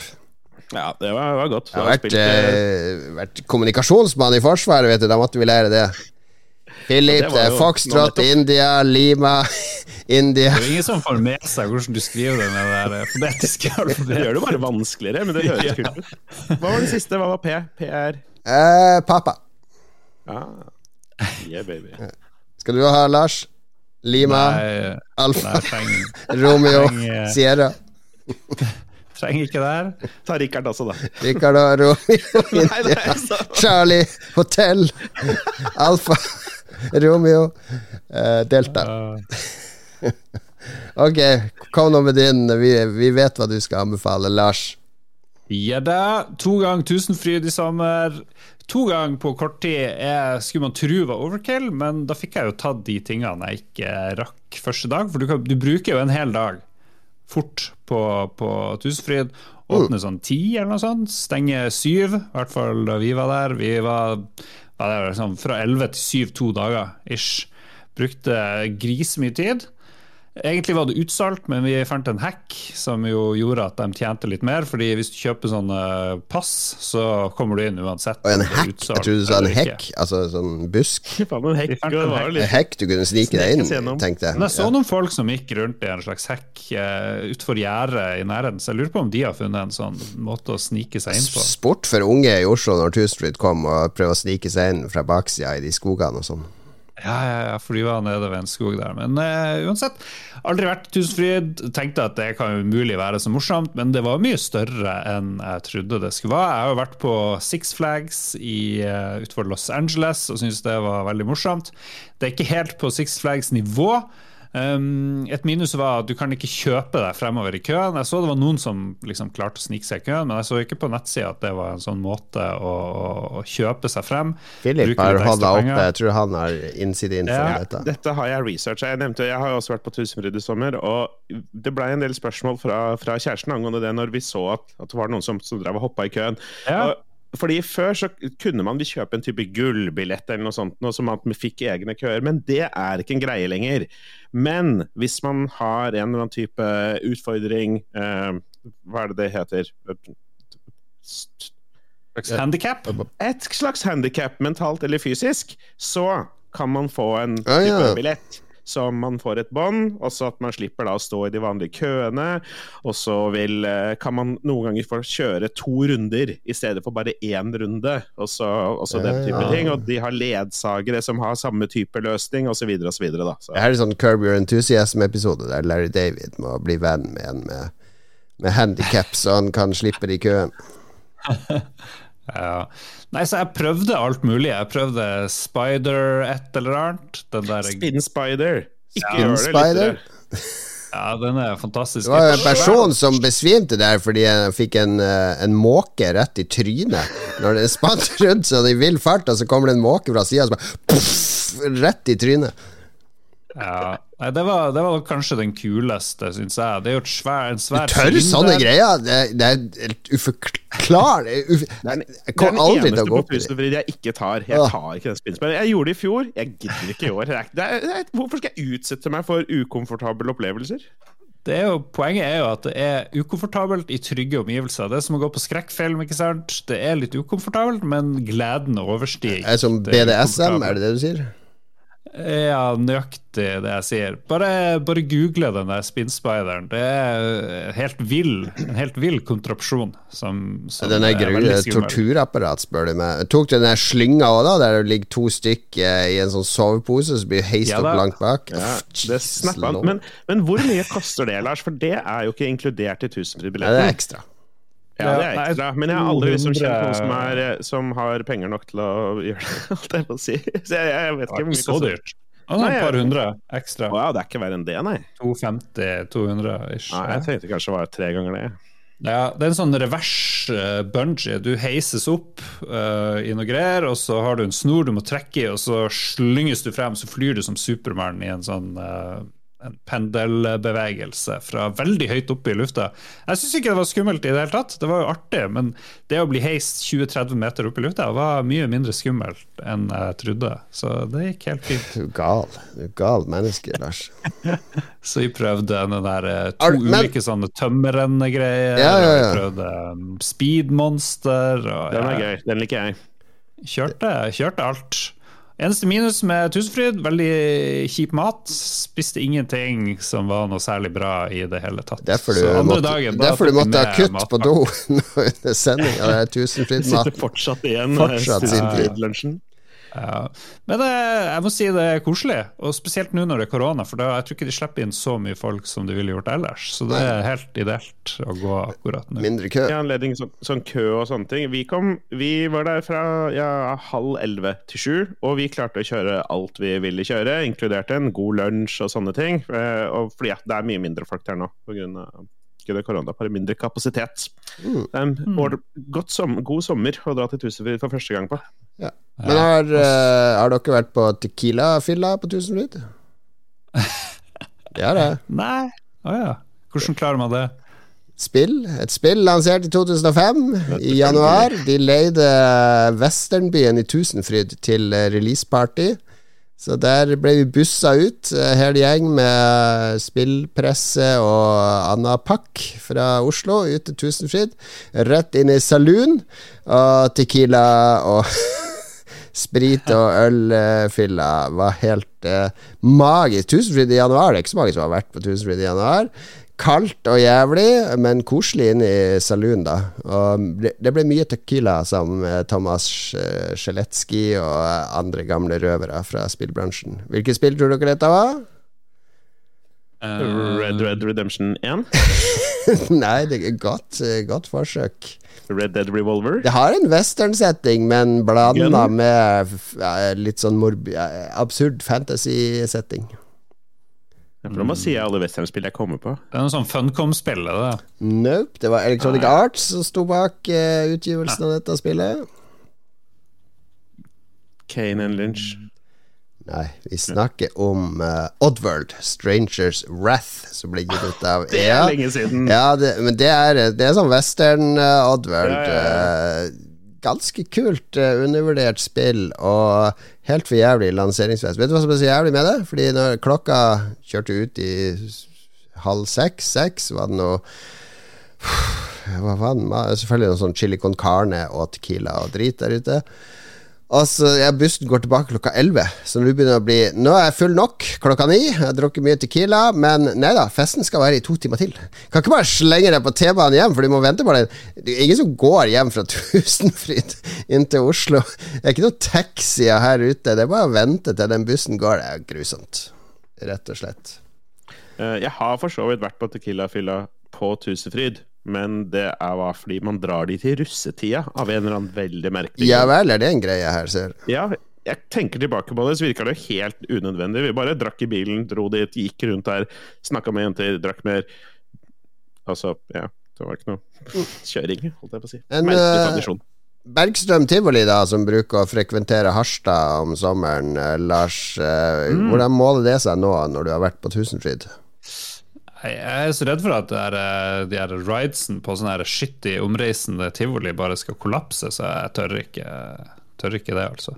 Men det de gjør på de omreisende som de ikke gjør på Tusenfryd, det er når du tar sånn tekopper sånn, så er det sånn eh, Litt Vil sånn rusa mer? svenske 'Vil de åka mer?!' og så kommer, går han rundt, og så gir han liksom ekstra spinn på alle, og sånn. Det får du ikke på Tusenfryd. Nei, nei, du får bare de unge på 18 år på sommerjobb. Ja, ja, alle har sommerjobb der.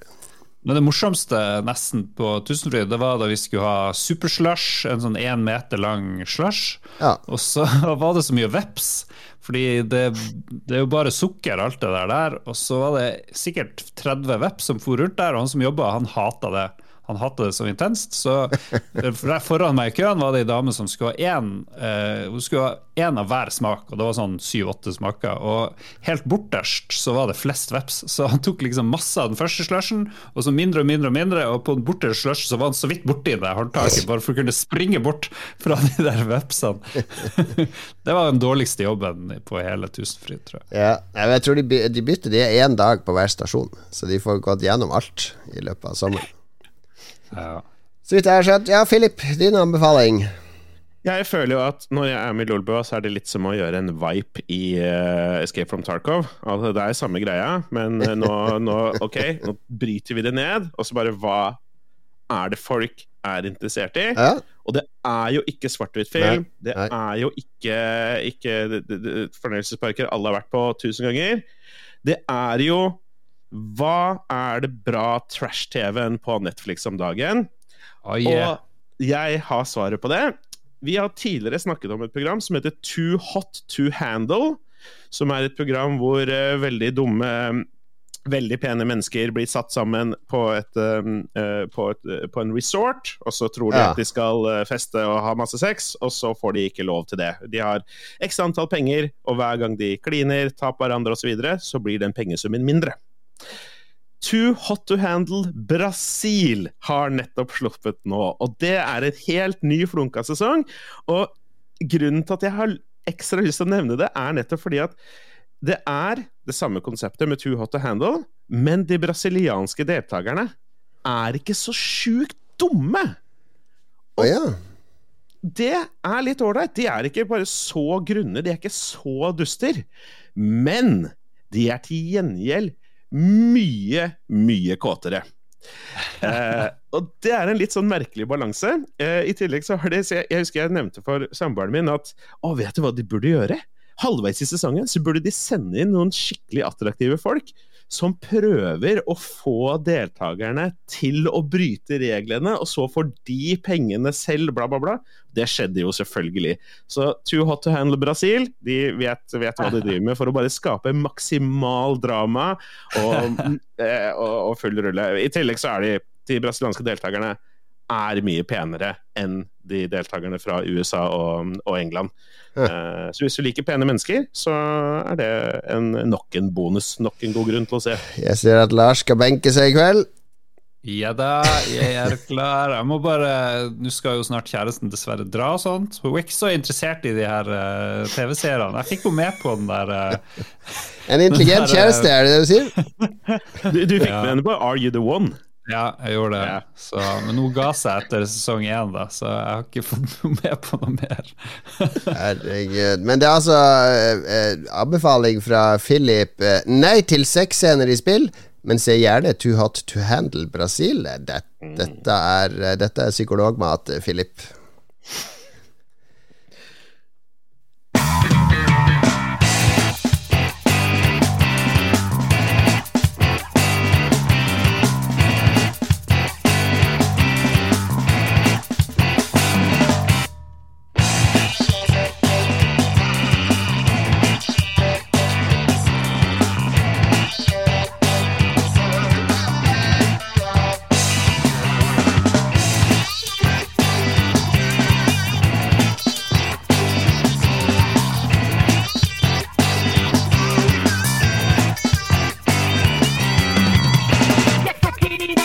Sånn her høres det ut når uh, Splatoon-karakterene skal synge i Splatoon 2. Eh, det var låten Undertow vi hørte der fra Splatoon 2. Et spill som uh, fortsatt lever på Nintendo Switch. Det er bra Morsom musikk. Jeg trodde først det var noe sånn Jet Set Radio-greier. Ja, litt sånn spenstig tyggegummi-punk-attitude i det spillet. You're a squid mm. now, you're a kid now, you're a squid now, you're a kid now, osv., osv. Lytterspalten, Lars, det er ditt Her har vi fått mye. Det er fordel med ferie at folk uh, kommer med mye innspill. Ja, og vi, av en eller annen grunn så jeg ikke hvor jeg delte ut spørsmålet. Det var ikke i Lolbua Entourage, vår uh, community. Det var på hovedsida til Lolbua. Det var jo artig at det ble respons der òg. Litt andre folk òg, kanskje, ja. som har kommet med bidrag. Muligens I hvert fall jeg spurte bare om hva vi skulle prate om nå når ferien var ferdig, om det er noe viktig vi burde ta opp. Og Jon Fredrik Walter, uh, som jo er i slekt med de som lagde Walter PPK til eh, James Bond, han vil at vi skal snakke om flaks. Det var jo spenstig. En spenstig greie. Ja, og ikke, er flaks en ting? Ikke, ikke som i flaks lodd, altså Foxtrot, Lima, Alfa, X-ray. Men uh, i, i, flaks som i Foxtrot, Lima, Alfa, Kilo, Sierra. Herregud og Jesus. Men jeg tenker Flaks finnes jo, men det er jo en stat i mange spill. Du kan liksom øke din luck. Fins det noen måte å øke din luck i, i hverdagslivet? Det er noen som mener at det å liksom tenke positive tanker, visualisere ting man vil skal skje, og da, da er det større sjanse for at det kommer til å skje. Karma, karma er vel det du snakker om eh, ja. her, kanskje. Men den flaks i spill, den luck, hvis det er en stat, det er jo det f.eks. i Fallout-spillene og i en del rollespill er veldig ambivalent til å putte poeng i den luck-støtten. Jeg vil gjerne ha strength, dexterity, intelligence, wisdom, karisma. Alle de vet jeg litt sånn konkret effekten av. Men den luck er alltid litt sånn Jeg føler jeg blir lurt hvis jeg putter mye penger inn i luck. Jeg føler, hvis, jeg, hvis jeg da dauer Hvis jeg har uflaks i en kamp og dauer, så tenker jeg Wow, jeg har maksa luck! Det der skal ikke skje!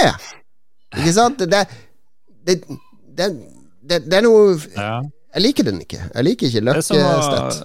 Det, jeg føler det samme med karisma i noen spill. Karisma elsker jeg, Fordi da vet jeg at jeg får flere sånn options i samtaler. Ikke sant? Jeg vet at jeg får rabatt i butikkene og sånne ting. Akkurat som i virkeligheten. Jo, i eh, datarollespill så er karisma greit. I penn- og papirrollespill så føler jeg at karisma er ikke så Det er liksom, For du kan, du kan spille ganske dumt. For da er det jo opp til deg sjøl. Karisma er jo det du som spiller bringer til bordet. ja, Da burde du rollespille karismaen mm. i stedet for å rulle på den. Enig.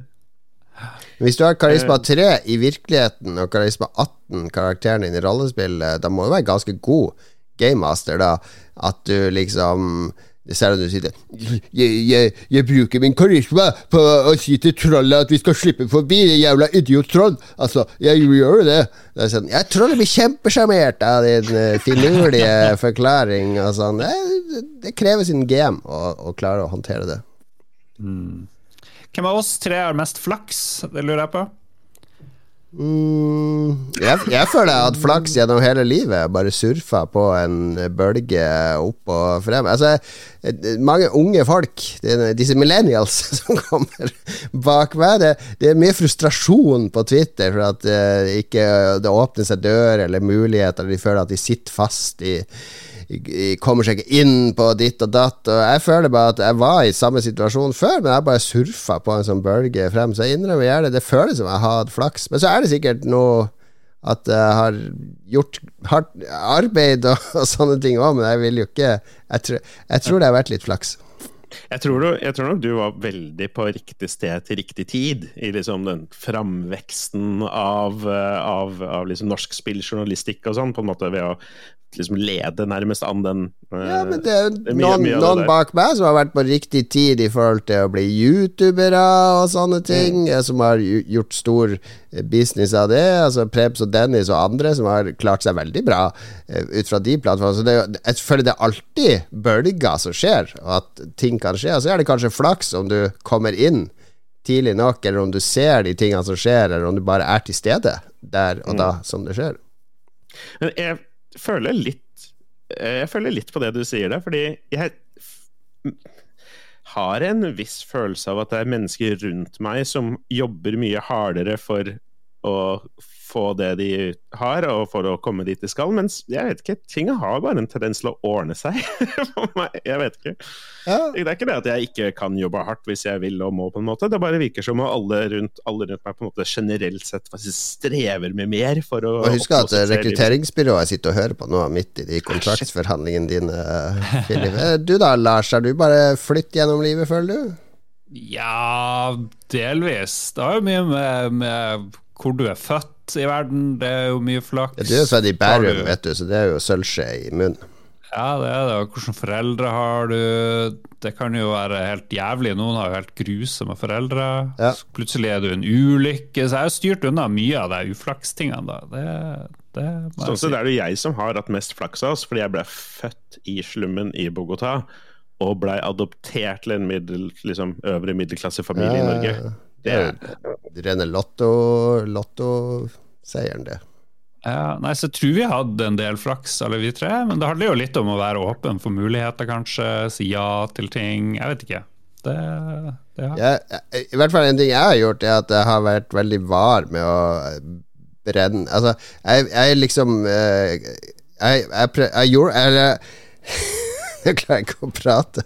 Men jeg, jeg har liksom uh, Jeg har samarbeida med såpass mange, og har hatt ganske gode samarbeid med såpass mange. Fordi jeg, jeg tror sjøl at det er ganske lett å samarbeide med. Jeg er sånn uh, veldig lite problematisk. Leverer alltid det jeg skal, når jeg skal. og klarer å få til ting. Og det er en grunn til at jeg får lov til å arrangere ting på Tilt og andre ting. Det er fordi da vet de at hvis jeg kommer og gjør det, så bare gjør jeg det. Altså Det er ikke sånn at jeg kommer inn med en masse At det blir masse problemer og ting som skal håndteres. Så jeg har bare bygd godt forhold til veldig, veldig mange.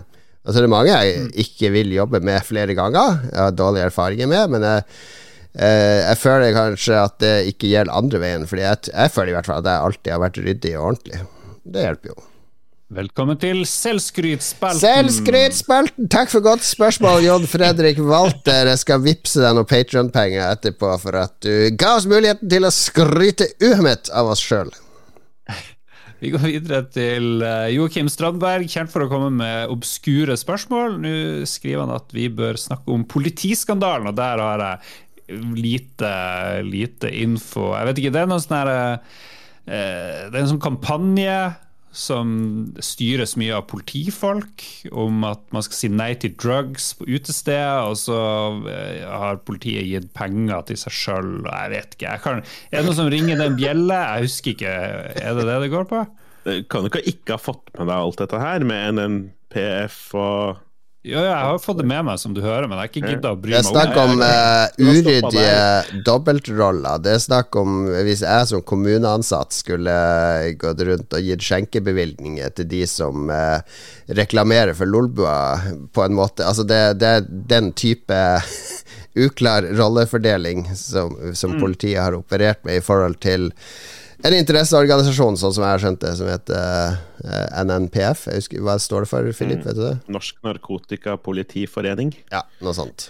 Uh, ja, altså det er liksom, ja, og Spesielt når vi ser at det kommer fra Joakim, så er det jo det det handler om her. Uh, det er jo rolleblanding som er skikkelig uheldig.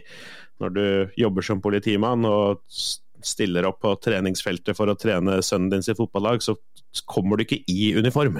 Da fremser du på en helt annen måte. Men hva, er Pistolen kan du ha med deg? Ja, noen. Ja. Noen hjelpemidler må man ha.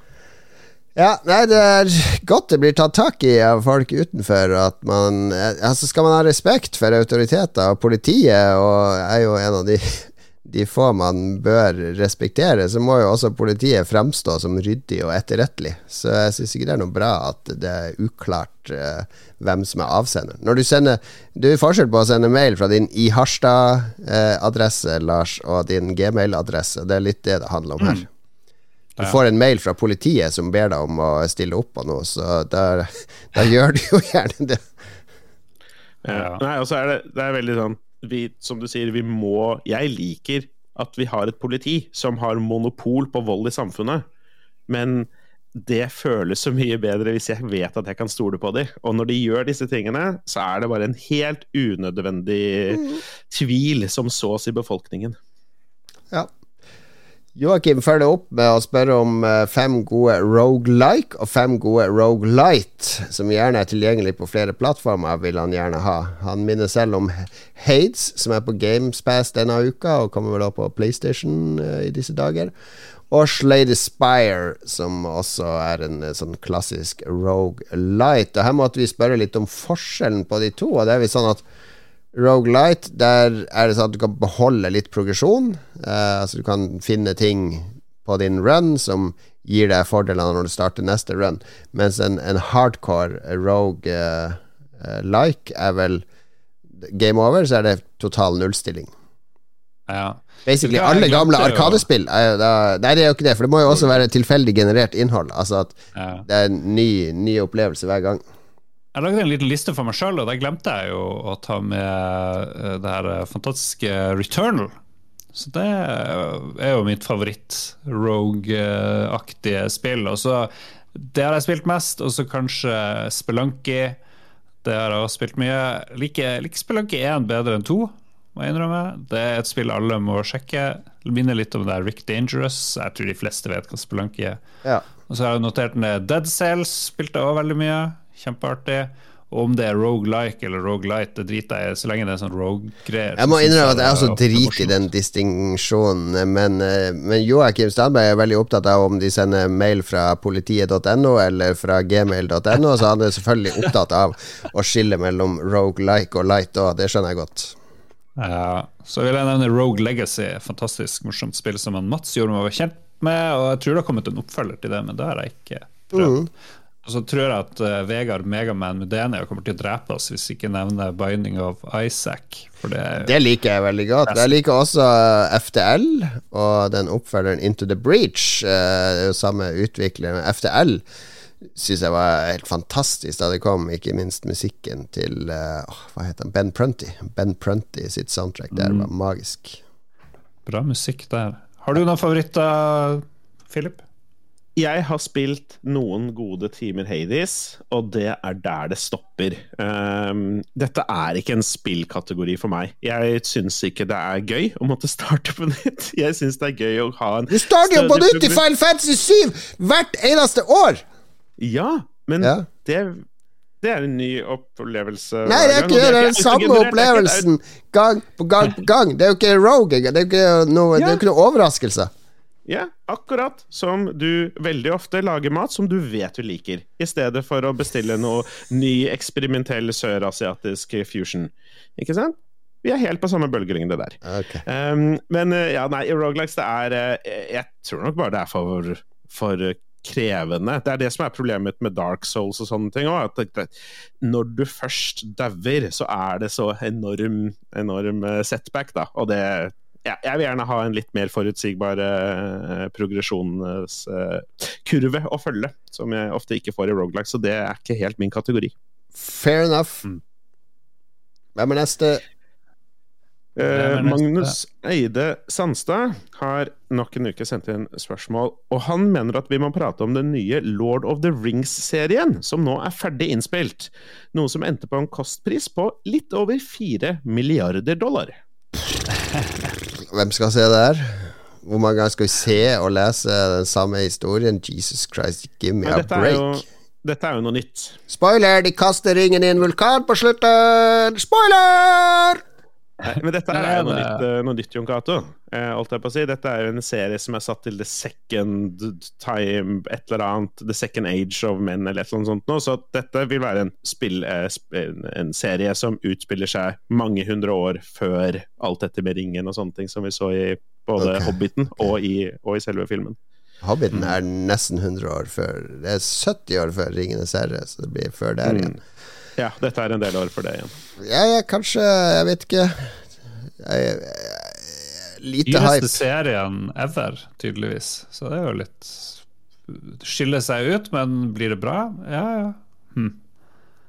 Lord of Rings er jo et semi-artig univers, for så vidt. Eller det er jo bare et ganske generisk fantasy-univers når jeg tenker meg om selv.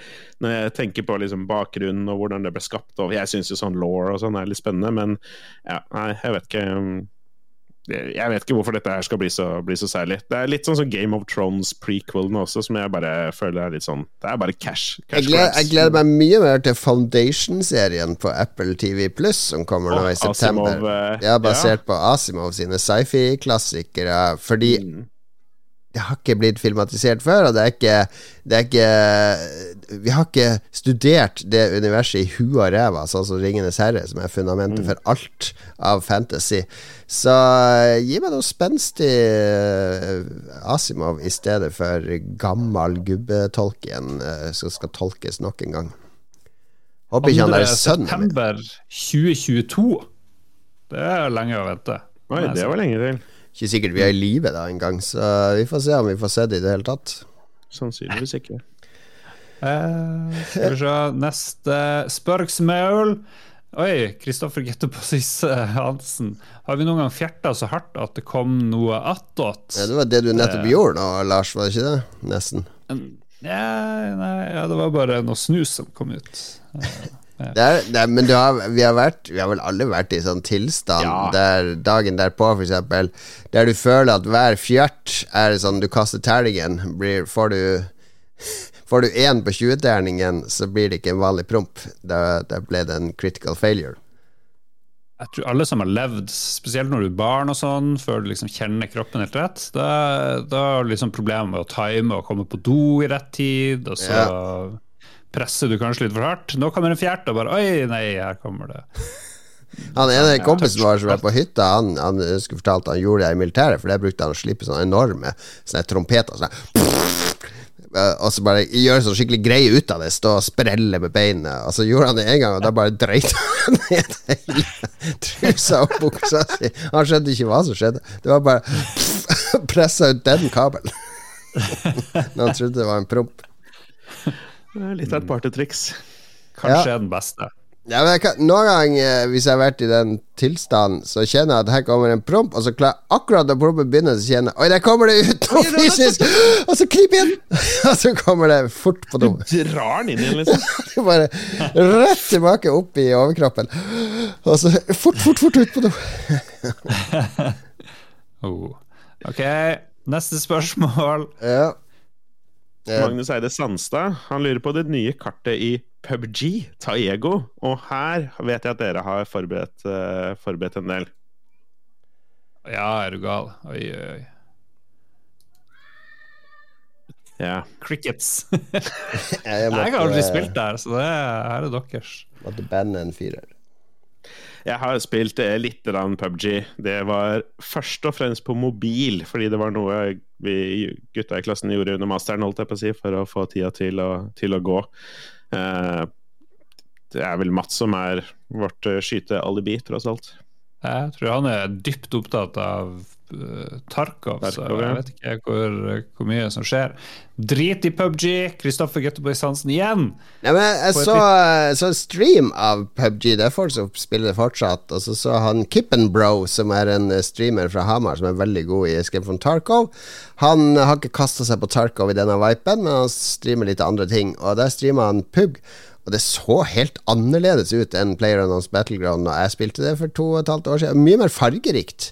Mye. Så mye mer ut som Fortnite eller Apex Legends i det visuelle. Det var ikke så Nå kanskje jeg er skada av Tarkov, som er veldig grått og militærgrønt uh, og brunt, men det var veldig fargerikt. Altså, det var gjort mye med interface og sånn, så det så ikke så ille ut. Men, men som min sønn på 20, vi så på den streamen sammen, sa Pug er bare løping. Altså Du løper, løper, løper, løper, løper, løper, løper, løper, løper hele tida. Det slipper du i Skyter bitte litt? Løper mer? Ja, det slipper du i Apex. Det er litt sånn i Fortnite da, men der har du byggeelement. Det er ikke sånn i Tarka, der er det mer uh, taktisk framrykning og hvor skal det.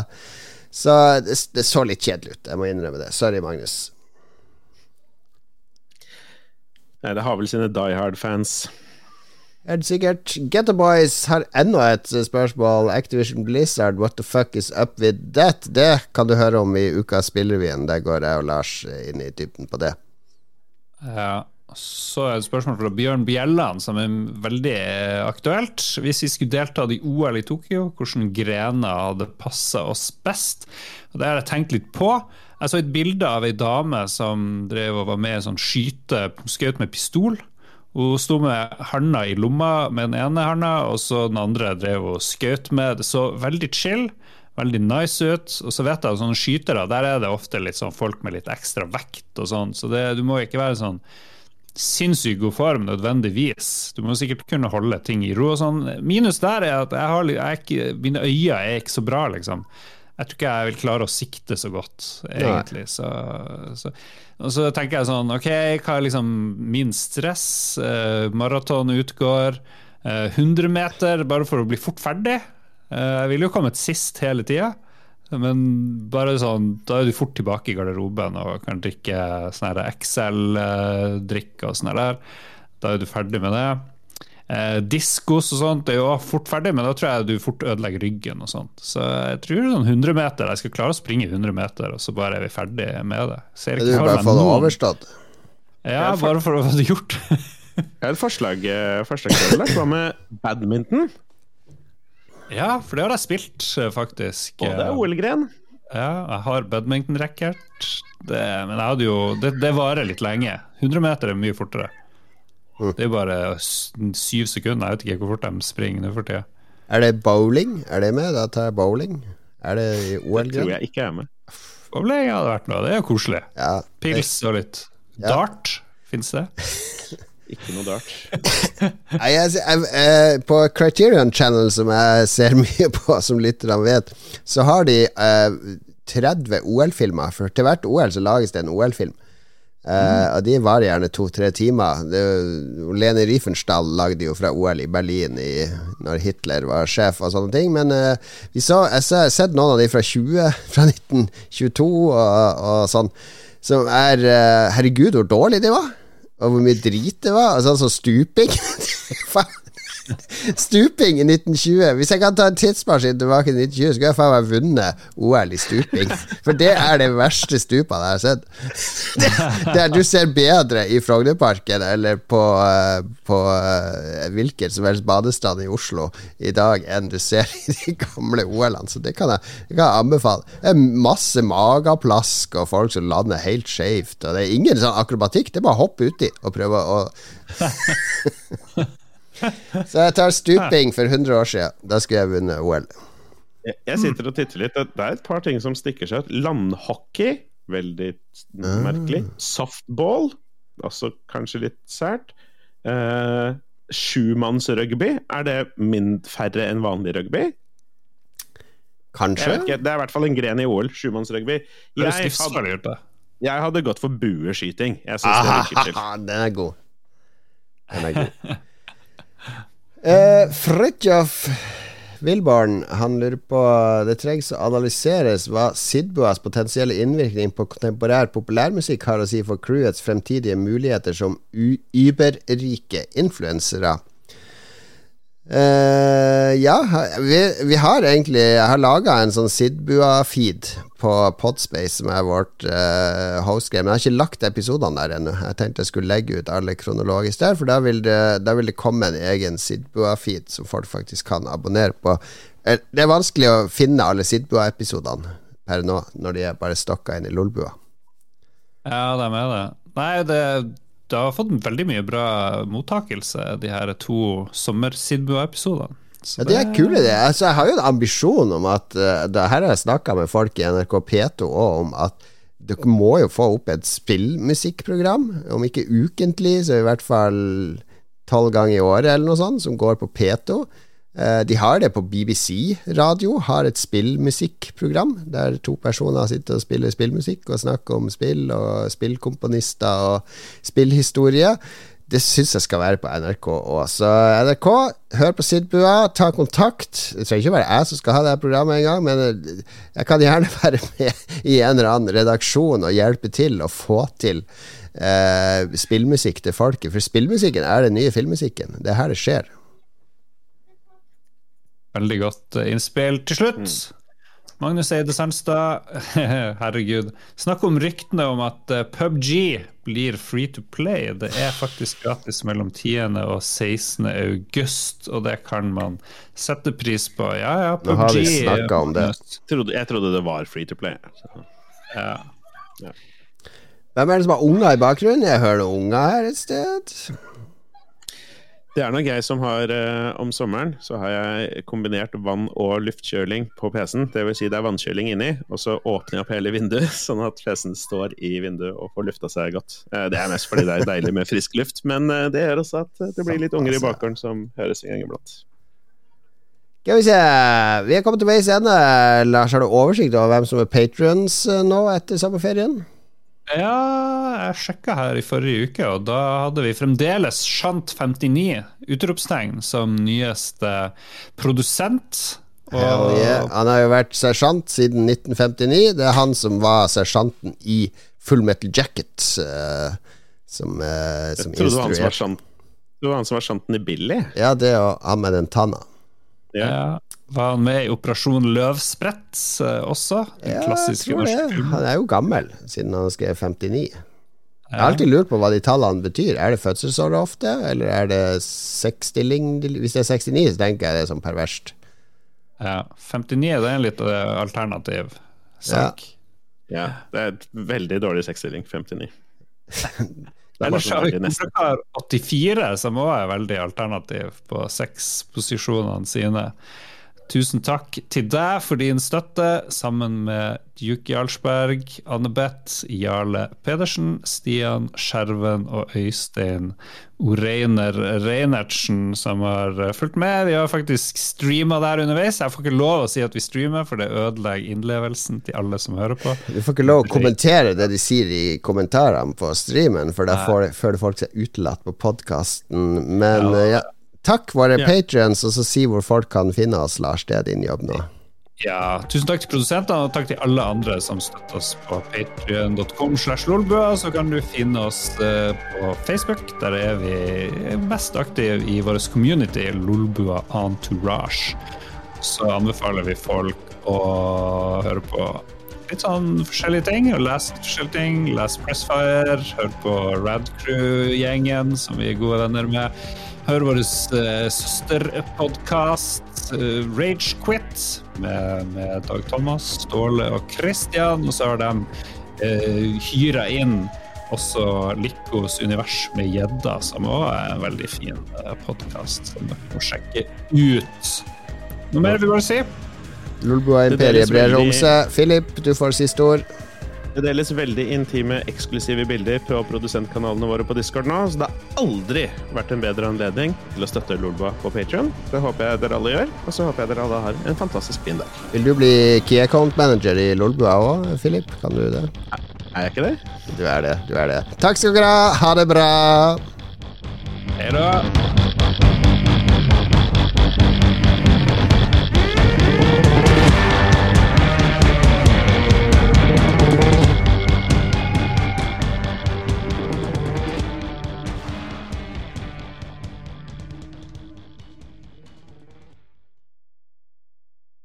Har du et enkeltpersonforetak eller en liten bedrift? Da er du sikkert lei av å høre meg snakke om hvor enkelt det er med kvitteringer og bilag i fiken, så vi gir oss her, vi.